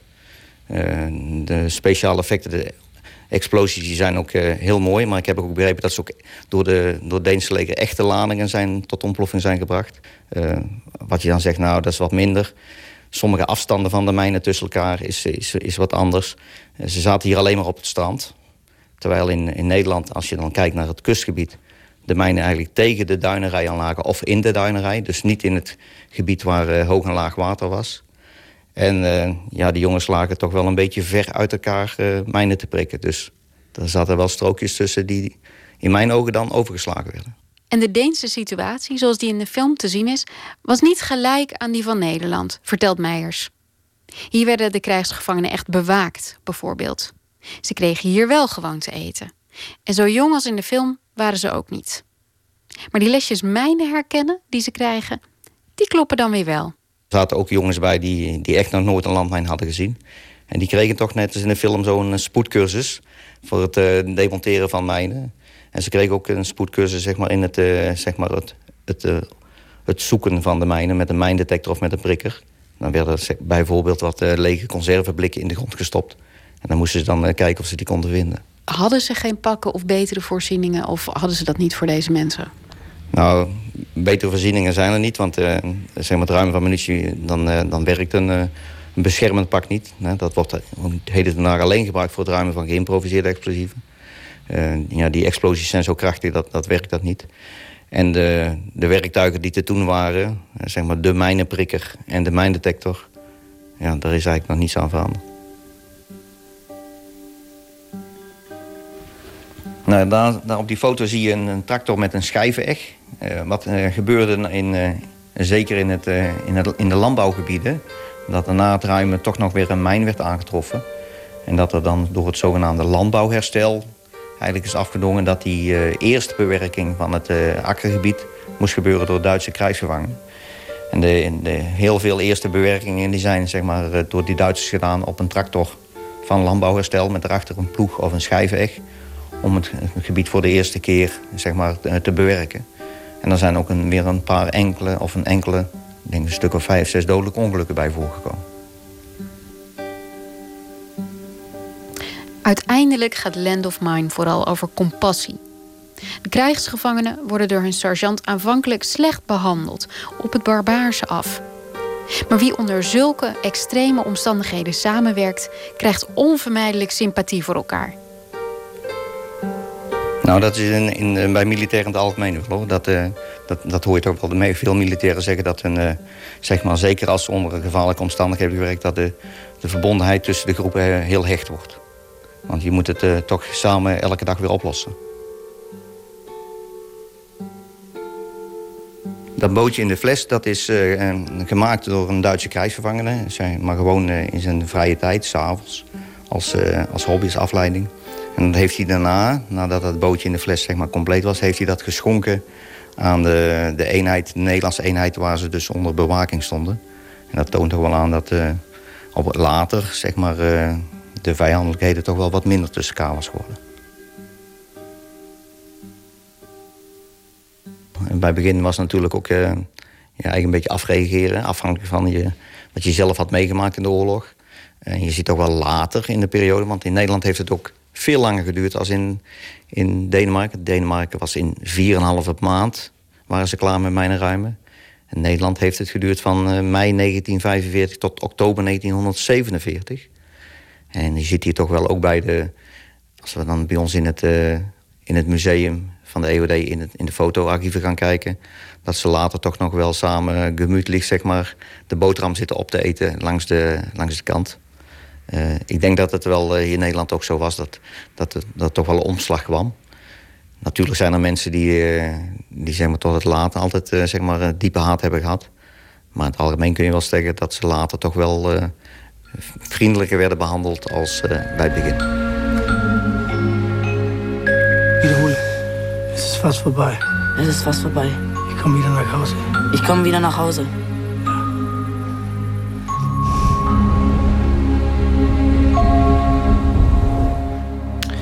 Land of Mind te zien vanaf donderdag in de bioscoop. Dit was een bijdrage van Floortje Smit. Een nieuw album op komst van The Last Shadow Puppets, de gelegenheidsband van Alex Turner van de Arctic Monkeys en Miles Kane van The Rascals. Everything You've Come to Expect zal de titel daarvan zijn en het stuk dat we nu gaan beluisteren heet Miracle Liner. Tell what you.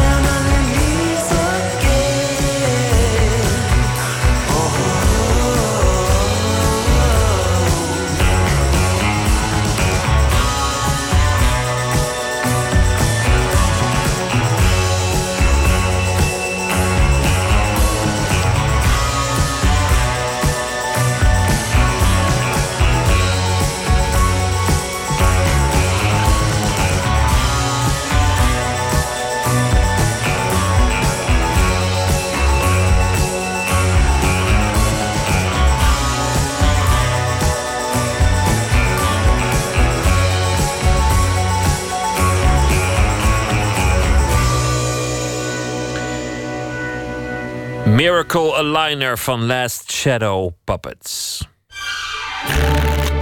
Open kaart.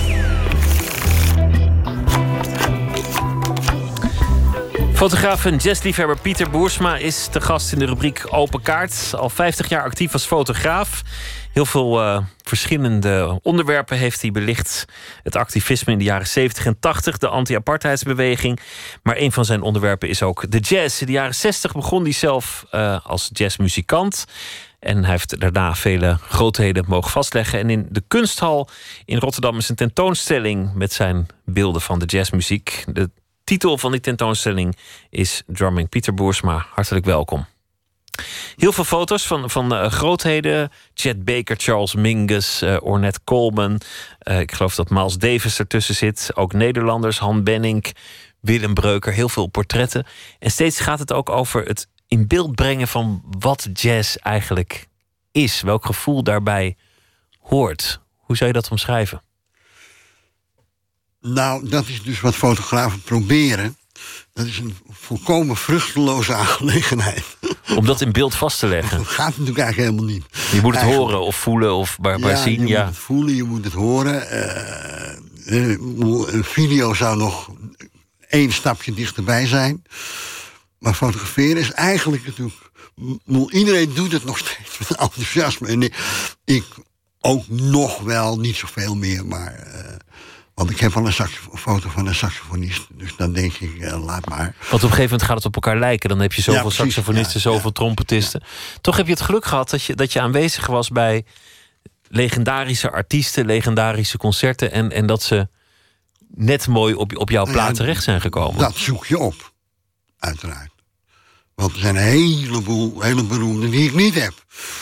Gewoon omdat ik daar verder niks mee heb en dan dat ook laat zitten.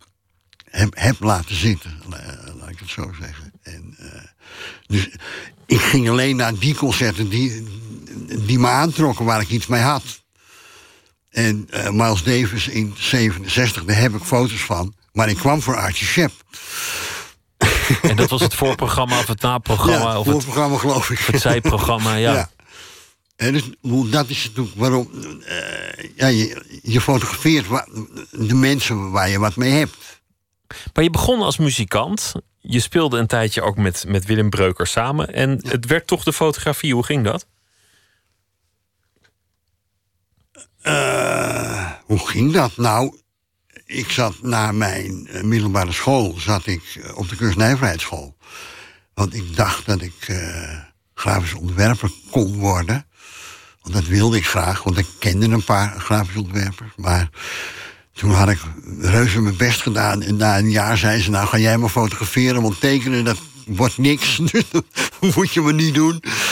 En toen was er nog een plekje op de fotografieafdeling. Dus toen ben ik maar gaan fotograferen. Zo dus. En wanneer wist je dat je het kon? Dat, dat, dat het goed genoeg was om er een beroep van te maken. En, en, en dat het bijzonder was hoe jij kon kijken. En, en Dat weet ik helemaal niet. nog steeds niet. Nee, nog steeds niet. Nee. En, eh, want ik heb ook een curieuze carrière op dat terrein. Toevallig had ik het nog met een oude collega over dat wij eigenlijk geen les hadden op school. Wij zaten bij restaurant Keizer. Overdag. En wat zaten jullie daar dan te doen? Nou, hoeren.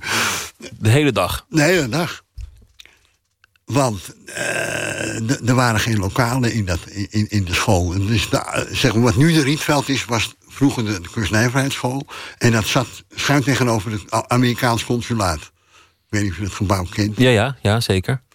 En ik weet niet wat er nu in zit. Maar daar, daar was voor ons eigenlijk geen plek. En als de donkere kamer bezet was en het kleine studiootje... dan dat waren dan twee of drie mensen die er aan het werk waren. En de rest moest dan maar ergens weg. Ergens onder dak. En omdat het in Nederland meestal regent, werd het dan maar het, Ja. het restaurant of het café. Keizer, ja. ja. Dus ik heb, niet, ik heb, ik, ik heb het, eh, het fotograferen door schade en schande in een jaar of zeven tijd een beetje geleerd. Daar komt het op neer eigenlijk. Nou ja, en kennelijk goed genoeg, want het zijn Oh ja, dat- tentoonstellingen. het is dat- museaal geworden. Dat laat ik aan een ander. Nou, dat was het al vaak eerder, maar. eh, maar dat laat ik graag een ander over. Dat weet ik niet. Welke foto is, is dierbaar die hier eh, hangt in de kunsthal? Nou ja, even, eh, nog even ter ver- ver- eh, verduidelijking. Want je had het net over een aantal eh, beroemde jazzmuzikanten. Die tentoonstelling die hangt in het Bimhuis. Ja, die heb ik gezien toevallig. In het Bimhuis. En in de kunsthal hangen alleen maar drummers. Alleen maar drummers. Alleen maar mensen met... eh, Stokjes en bekkens stokjes. en, en, en trommels. ja. Verder niks. En welke is daar dan een, een dierbare foto? Wat is een foto die, die je zou kunnen omschrijven waarvan je zegt, ja, daar ben ik eigenlijk wel trots op? Er zijn, er, zijn, eh, er zijn aardigere en minder aardige, dat is wel waar. En, en hangt een reeks van Han Benning en die, die is goed. Nou, er is er een van Han Benning die hem ook wel een beetje ehm, tekent. Dat, dat hij met zijn met zijn been over die trommel heen Ja, hangt. ja. En, en Nou ja, dat is natuurlijk een aardige, boel. eh, dan heb je de man wel te dat pakken. fotografeer ik dus al lang niet meer, want dat heb ik al honderd keer gezien. Dus dat weet ik wel ondertussen. Maar, maar dat is een, een serie die ik. Dat, oh, dat is oké. Je bent bescheiden. Laten we beginnen met de rubriek. Dit zijn de kaarten. Ik wil je vragen om een kaart te pakken, voor te lezen en eh, de vraag te beantwoorden. Wat is je favoriete gereedschap? Hallo. Een fototoestel, moet je dat een, gereedschap noemen? Eh, eh, eh, Dat is gereedschap, ja. Dat zou je zo kunnen zien. Ja, vind ik wel. Dat is, dat is, een, dat is een, een, een toestel dat je als verlengstuk gebruikt. Een ding, een is een object. ding wat je, wat je gebruikt. Heb je een favoriete camera? Een die je al je hele leven gebruikt? Ehm, ja, nou, nou, ik twijfel tussen. Ik, ik heb een Leica, eh, die is, eh, van de, die is 60 jaar oud. En ik heb een Nikon F1, en daar twijfel ik tussen. Maar zo'n Leica is, is volgens mij heel, heel legendarisch. Dat, dat zijn eh felbegeerde instrumenten inmiddels. Ja, die zijn nog steeds, en die, die houden ook min of meer hun prijs. in de tweedehands ook, of derdehands. Kan mensen helemaal niet eens schelen. Maar is het ook nog analoog? Werk je nog analoog? Nee, is allemaal analoog. Dat is nog analoog. steeds? Nou, dat doe ik nog. Ik sta nog. Afgelopen jaar heb ik vier keer, in de, keer een periode in de donkere kamer gestaan. Dus het wordt wel minder. Maar het heeft voor jou toch nog steeds een charme om, om het zelf Nou, te charme, ontwikkelen. nee, en... het- het- Nee, het, het- het- het- eh, ehm, heeft twee redenen. Eh, ik maak nog eh barietdrukken. En die, dat, dat moet je analoog... Ja, dat moet je met, met, de, met de bakjes doen. Dat kan niet anders. Eh, als je iemand een barietdruk van je wil hebben... Dan, dan, dan zul je dat zo moeten maken. Dat kan niet anders. En ik heb de afgelopen jaren mijn analoge archief data in de computer gestopt en alle ontbrekende contacten, ontbrekende bladen aangevuld. Dat moet je dus dan ook analoog doen. En zo kom, zo kom je nog in de, in de doka. Maar dat is- wordt dus wel steeds, steeds Het wordt minder. minder. Zullen we nog zo'n vraag eh, proberen? Kijken wat er, eh, wat eruit komt. Wat had je eigenlijk willen worden? Wat een vragen zeg. Nou, muzikant dus, aanvankelijk. Mm, ook dat weet ik dus niet. Nee? Of ik. Ik, ik wilde. Misschien, misschien wel grafisch vormgever worden aanvankelijk. Daarvoor ging je naar die opleiding. Ja. Maar ik, had ik absoluut geen, het, het, het, de mogelijkheden niet voor. Gewoon omdat ik. Ja, ja, dan moet je kunnen tekenen eh, om te beginnen. Om een beetje, of een beetje aardig, althans op een bepaald niveau. Wil je dan op een goed moment eh, dat kunnen gaan doen. Maar je lot heeft je toch, eh, zo- zoals het klinkt, een, een beetje overvallen. Want je, je zegt ja, goed, goed. Achter zit een aardige tussen. Of ik weet Nou eigenlijk ja. nog steeds niet. En, maar maar je, je, je foto's hangen in een museum. Men- mensen zoeken naar je foto's. Sommige zijn ontzettend bekend geworden. En toch lijkt het alsof het jou allemaal een beetje is overkomen, zoals je erover praat. Maar dat is het ook. Ik ben op een goed moment. eh, toen ik van school. Ik werd op een goed moment van een half jaar voor mijn eindexamen van school geschopt. Om allerlei redenen. Ehm, en toen was ik dus. Per 1 januari 1967 was ik dus fotograaf. Want ja, ik kon niks anders. Eh, En je moest iets en, en je vond het leuk. en ik vond het ook wel leuk. Natuurlijk, dan, dan, dan- dan had ik bij mijn vader in de zaak gegaan. En, eh, was ik boekhouder geworden. Maar, maar ehm, eh, en wat ik je al vertelde, dat wij heel slecht onderwijs hebben genoten. Mijn generatie, dus, en ook de, klasse de klas boven mij en mijn eigen klas en de klas daaronder, die kregen allemaal heel. Ja, eigenlijk geen les. We leerden het elkaar een beetje. En, eh, het was een beetje, ja, een beetje treurige aangelegenheid eigenlijk. Dus ik, ik heb mezelf door schade en schande moeten leren. En ik ben ook nooit een echte techneut geworden. Dat is een heel technische fotograaf die alles wist van. Nee, maar die ook alles weet. Lichtingen, sluitertijd en bladen. Nee, dat interesseerde me ook helemaal geen reet. Dus dat, Gewoon het moment en de sfeer en. en eh, ja, en het vastleggen van dingen. En, eh, nou ja, ik ben me ook heel snel en ook met, eh eh, met de Kraken gaan bezighouden. En eh, met de actie- actiegroep Nieuwmarkt. De geschiedenis van jouw tijd. En eh, nou ja, aan de andere kant was het zo dat. eh, ik heb heel veel in de Nieuwmarkt gefotografeerd. En uiteindelijk kon ik dat betalen omdat ik voor een scheepvaartmaatschappij werkte. een multinational. Als fotograaf ook? Ja, als fotograaf ook, ja. En, eh, d- dus pas sinds kort dat ik het wel eens vertel, want dat heb ik altijd voor me je in die krakerskringen kon je dat niet vertellen natuurlijk. Nee. Zullen we nog zo'n vraag doen? Uit de, uit de bak. Wat is je mooiste tekortkoming? Je mooiste tekortkoming? Nou ja, als ik een flauwe grap maak, mijn hazenlip. Maar Nou ja, dat, dat, is, dat, is, dat is toch iets wa- wat je je hele Ja. leven hebt gehad... waar je, waar je toch aan gehecht kunt raken, toch? Ehm,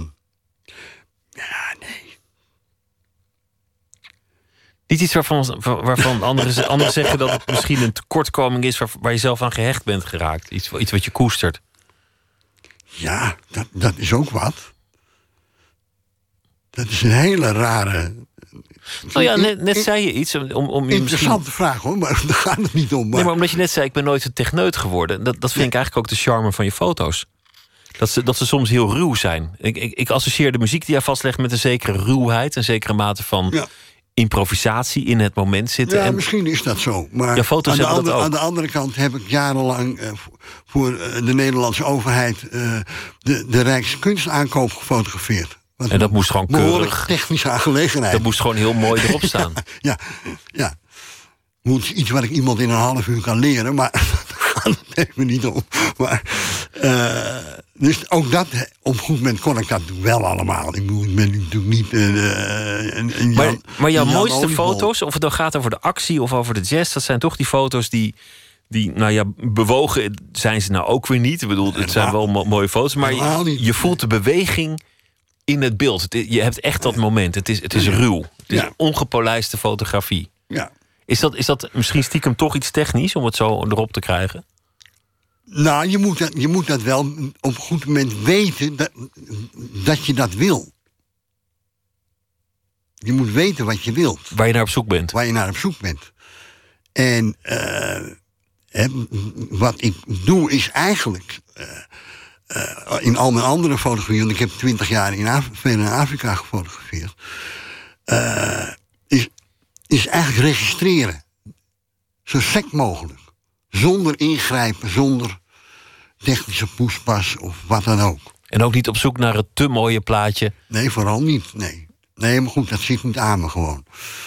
Dat, eh, Nou ja, het is een verleiding die veel fotografen met zich meedragen. Ja, en, en eh, ik, ik moet zeggen dat ik eh, die verleiding ken. Omdat je toch soms, als je eenmaal als je portretten gaat maken, dan ga je er toch net weer anders in staan.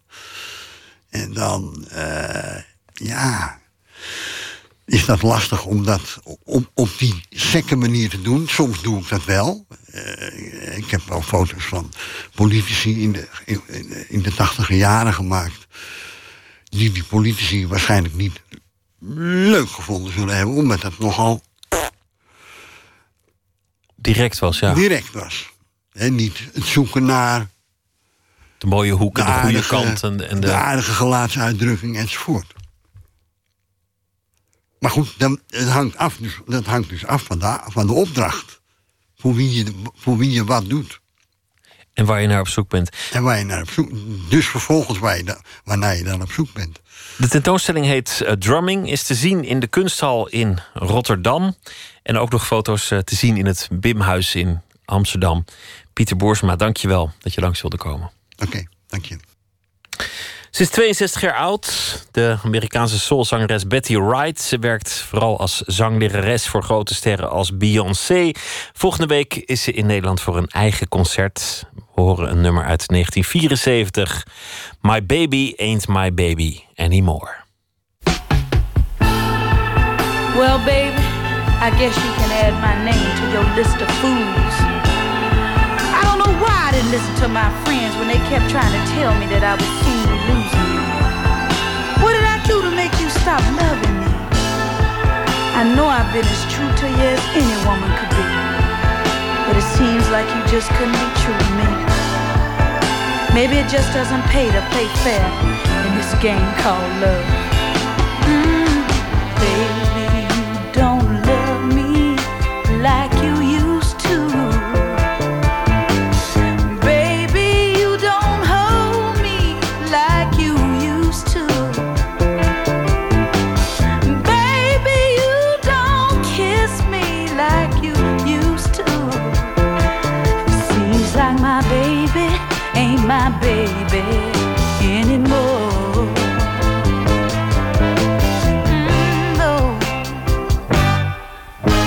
there's someone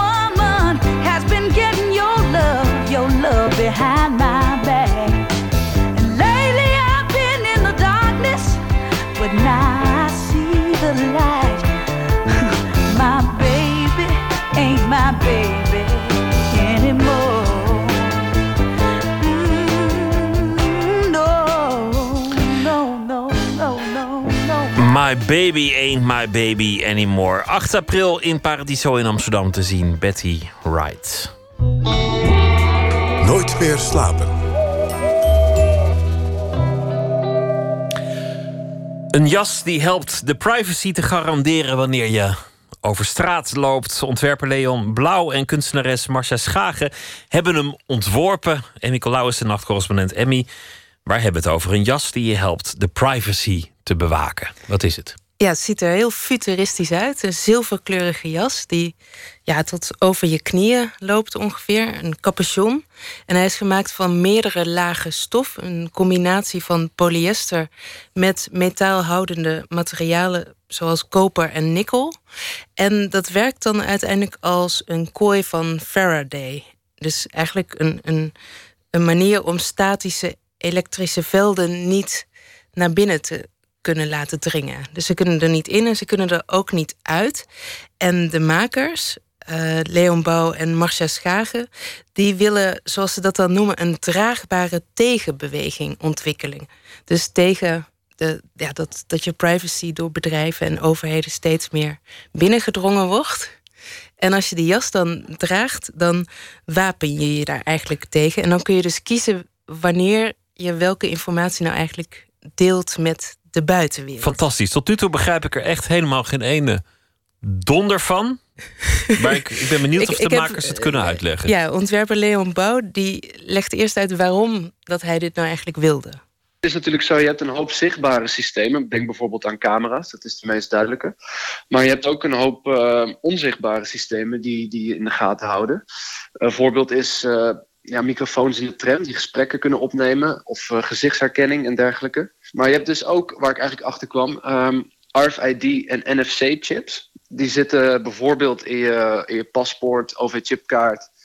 Die hebben de mogelijkheid om informatie op te slaan en eventueel ook uit te zenden. Eh, zo staat er bijvoorbeeld op je ID-kaart, dus op je paspoort, eh, best wel veel informatie over jezelf. En ook een foto. En is dat gewoon uit te lezen met een, met een vrij, vrij simpele app. Het is mij, mijzelf ook gelukt.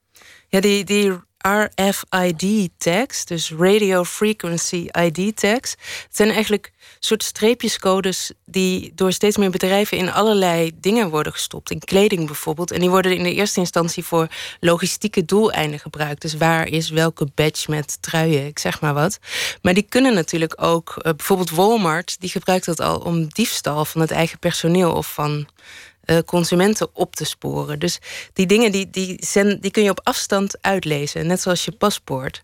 En door deze jas te dragen, eh, hou je die informatie eigenlijk binnen. En ook Dus de mobiele een, eh, telefoon. Een jas met stealth-eigenschappen, om in straaljagertermen te, Ja. te blijven. Ja, precies. Wat is, wat is het motief van, van de makers? Zijn ze paranoïde? Ehm, hebben ze iets te verbergen? Of hebben ze gewoon argwaan jegens de technologie? Nee, ze klonken eigenlijk als hele frisse twintigers. En ze zijn dus ook helemaal niet anti-technologie of wereldvreemd. Wij zijn absoluut niet tegen de ontwikkeling van die technieken, maar we willen wel dat, eh, dat het individu daar weer grip op krijgt. Dus, dus dat zij zelf weer kunnen bepalen wanneer wat te traceren of uit te zenden is, noem het maar op. Ja, en deze eh, bouw- en schaken zijn absoluut niet de enige ontwerpers die zich bezighouden met manieren ja, om je als consument te kunnen wapenen tegen deze surveillance-maatschappij eigenlijk. Ik stuitte op een Amerikaan, Adam Harvey, en die is al jaren bezig om manieren te ontwikkelen, bijvoorbeeld. Eh, het is hele goedkope, simpele manieren om je tegen gezichtsherkenningssoftware te wapenen. En dan zie je op zijn site zie je allemaal foto's van mensen met de meest bizarre make-up en haren die dan je hoofd asymmetrisch maken. En eh, op ja, het ziet er nog. Je moet wel durven om dat eh, te doen. Maar hij hoopt, denk ik, dat dat een soort mode wordt. En je kan dan op die manier in ieder geval je tegen die gezichtsherkenningssoftware wapenen. Nou, Al-Qaeda zal ze dankbaar zijn voor deze nieuwe technologie. Maar, maar wat is hun bedoeling? V- van deze Adam Harvey? Nou, van de makers die, die al die anti-privacy Oh, van die dingen... eh, gezichtsherkenningssoftware. ja, want ik, ik neem aan dat ze dat niet doen om, om criminelen en terroristen te faciliteren. Wat, wat is hun bedoeling? Nee, nou ja, Facebook die, die is bijvoorbeeld heel ver met eh, gezichtsherkenningssoftware. In Europa wordt dat niet toegestaan, maar in Amerika is dat al wel zo. Die, die software die kan gewoon net zo goed gezichten herkennen als, eh, als wij. 97% goed. En ja, dat wordt natuurlijk ingezet eh, uit commerciële motieven ei- uiteindelijk. En dat klinkt allemaal wel heel leuk, ideologisch en hartstikke handig. Maar uiteindelijk verdienen ze daar natuurlijk geld mee. En uit protest tegen die ontwikkeling willen ze dus technieken eh, aangeven om het te ontduiken. Gaan mensen dat ook doen? De gezichtsherkenning ontduiken? Of een bril dragen of, of, of een jas? Ja, het ziet er dus best wel bizar uit, die make-up. En ik stuitte laatst op de site van Hacking Habitat. Dat is een tentoonstelling in Utrecht. En ik, ik wilde iemand daarvan bellen. En toen kwam ik op de pagina met het hele team. En toen dacht ik, wat is dit? Het zag allemaal ja, gezichten met hele bizarre make-up op. Terwijl ze bloedserieus keken. En dat bleek dus omdat ze die gezichtsherkenningssoftware willen ontwijken. Dus ik heb gebeld met de curator van de tentoonstelling Ine Gevers. Op deze manier kunnen we, worden we niet herkend door de face recognition eh, algoritmen. Eh, het werkt ook echt. Het heeft nou te maken, het heeft te maken met ehm, eh, afstanden tussen ogen, tussen ogen en neus, tussen mond en neus. Het zijn allemaal af. Zo wordt dat berekend. En het grappige was, toen, toen ik later die foto ging op uploaden, was ook meteen eh, Google die reageerde van eh, kunt u alsjeblieft een herkenbare foto insturen. Mensen vinden vaak toch comfort belangrijker dan privacy. Wat zijn, de- wat zijn de statements van de kunstenaars eh, hierin? Of, of zijn dit gewoon middeltjes die ook weer gangbaar zullen worden. Hoe, hoe, hoe zie je dat? Ja, Marcia Schagen die zegt het is natuurlijk in eerste instantie een statement. Ik zou die jas ook best dragen en dan is hij heel opvallend, maar dan is dat als een soort statement.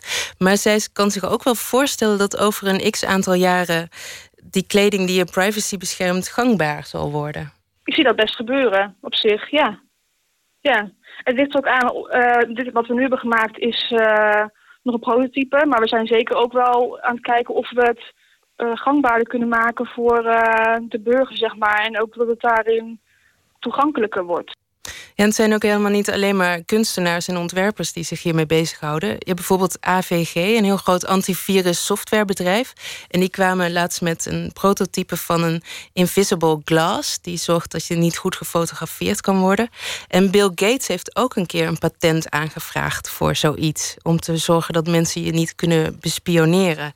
En Ine Gevers, ook wel een beetje een activist, die denkt dat het echt wel een grotere beweging voor gewone consumenten gaat worden. Sterker nog, ik, eh, ik sluit niet uit. Ik denk echt dat dat de trend is. En ik denk ook dat, eh, dat dat niet alleen maar uit een niche komt.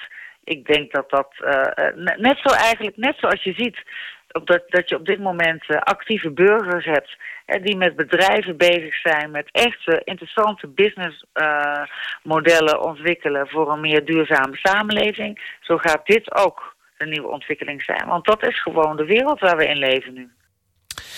De wereld waar we in leven en waar het naartoe gaat. Emmy Colau, dankjewel. Dankjewel. Een nieuw album met opname van Jeff Buckley... met liedjes van anderen. Een nummer van Bob Dylan, Just Like a Woman.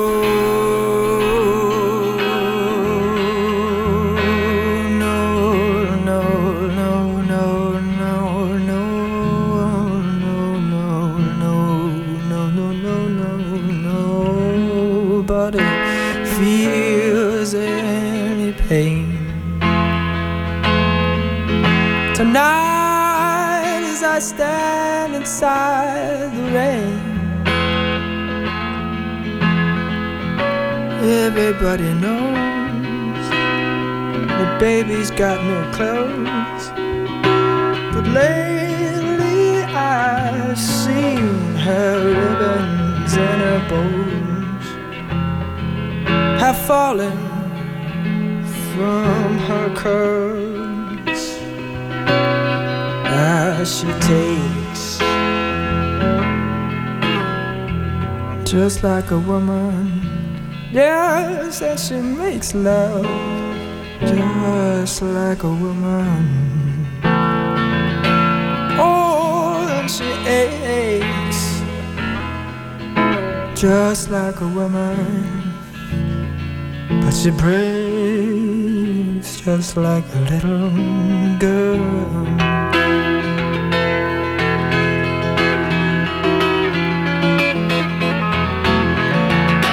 Queen Mary, she's my friend. So I believe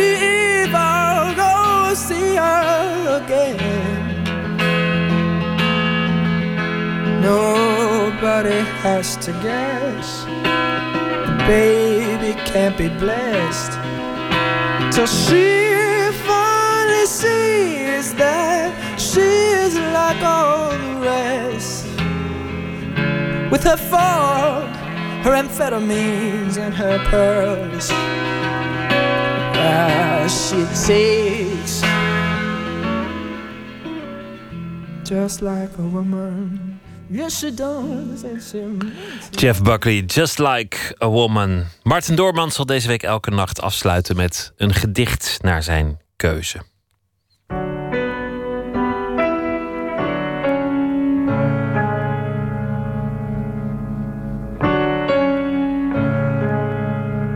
Dit is een gedicht van P.N. van Eyck, een niet zo heel bekende dichter. En als hij al bekend is, dan is het van het gedicht De tuinman en de dood. Maar dat ga ik niet lezen. Dit gedicht heet Brent Bridge. Ik scheur het uit zo'n poëziekalender. En het is eigenlijk een heel onopvallend gedicht, maar ik vond het eh, fascinerend en raadselachtig. Dus ik heb het een hele tijd in mijn zak bij me gehad. Het is het beeld van een man die op een bankje zit en naar het water kijkt waar een zwaan voorbij komt. Dat is eigenlijk alles. Het gaat zo. Een vreemd man in een vreemd land. En vaak is er niets dan dit: water en loof in het wit van zwanen dicht bij de rand. Gras voor de bank waar hij zit en straks aan de overkant. Een man die even leest, het stil begin van een lied, dan opkijkt en om zich ziet. En iets in hem denkt, bedeesd. Hoe vreemd, nog ken ik het niet, en toch is het altijd geweest. Vreemd. In dit vreemde land, alleen met niets dan dit. Water en loof en het wit van een zwaan die talmt bij de kant. Dicht langs de bank waar ik zit, wat avondzon op mijn hand. Dit was eh, Nooit meer slapen voor deze nacht. Morgen zit hier Esther Naomi Perkin in gesprek met Jan Pronk. Wens ik u nog een hele goede nacht.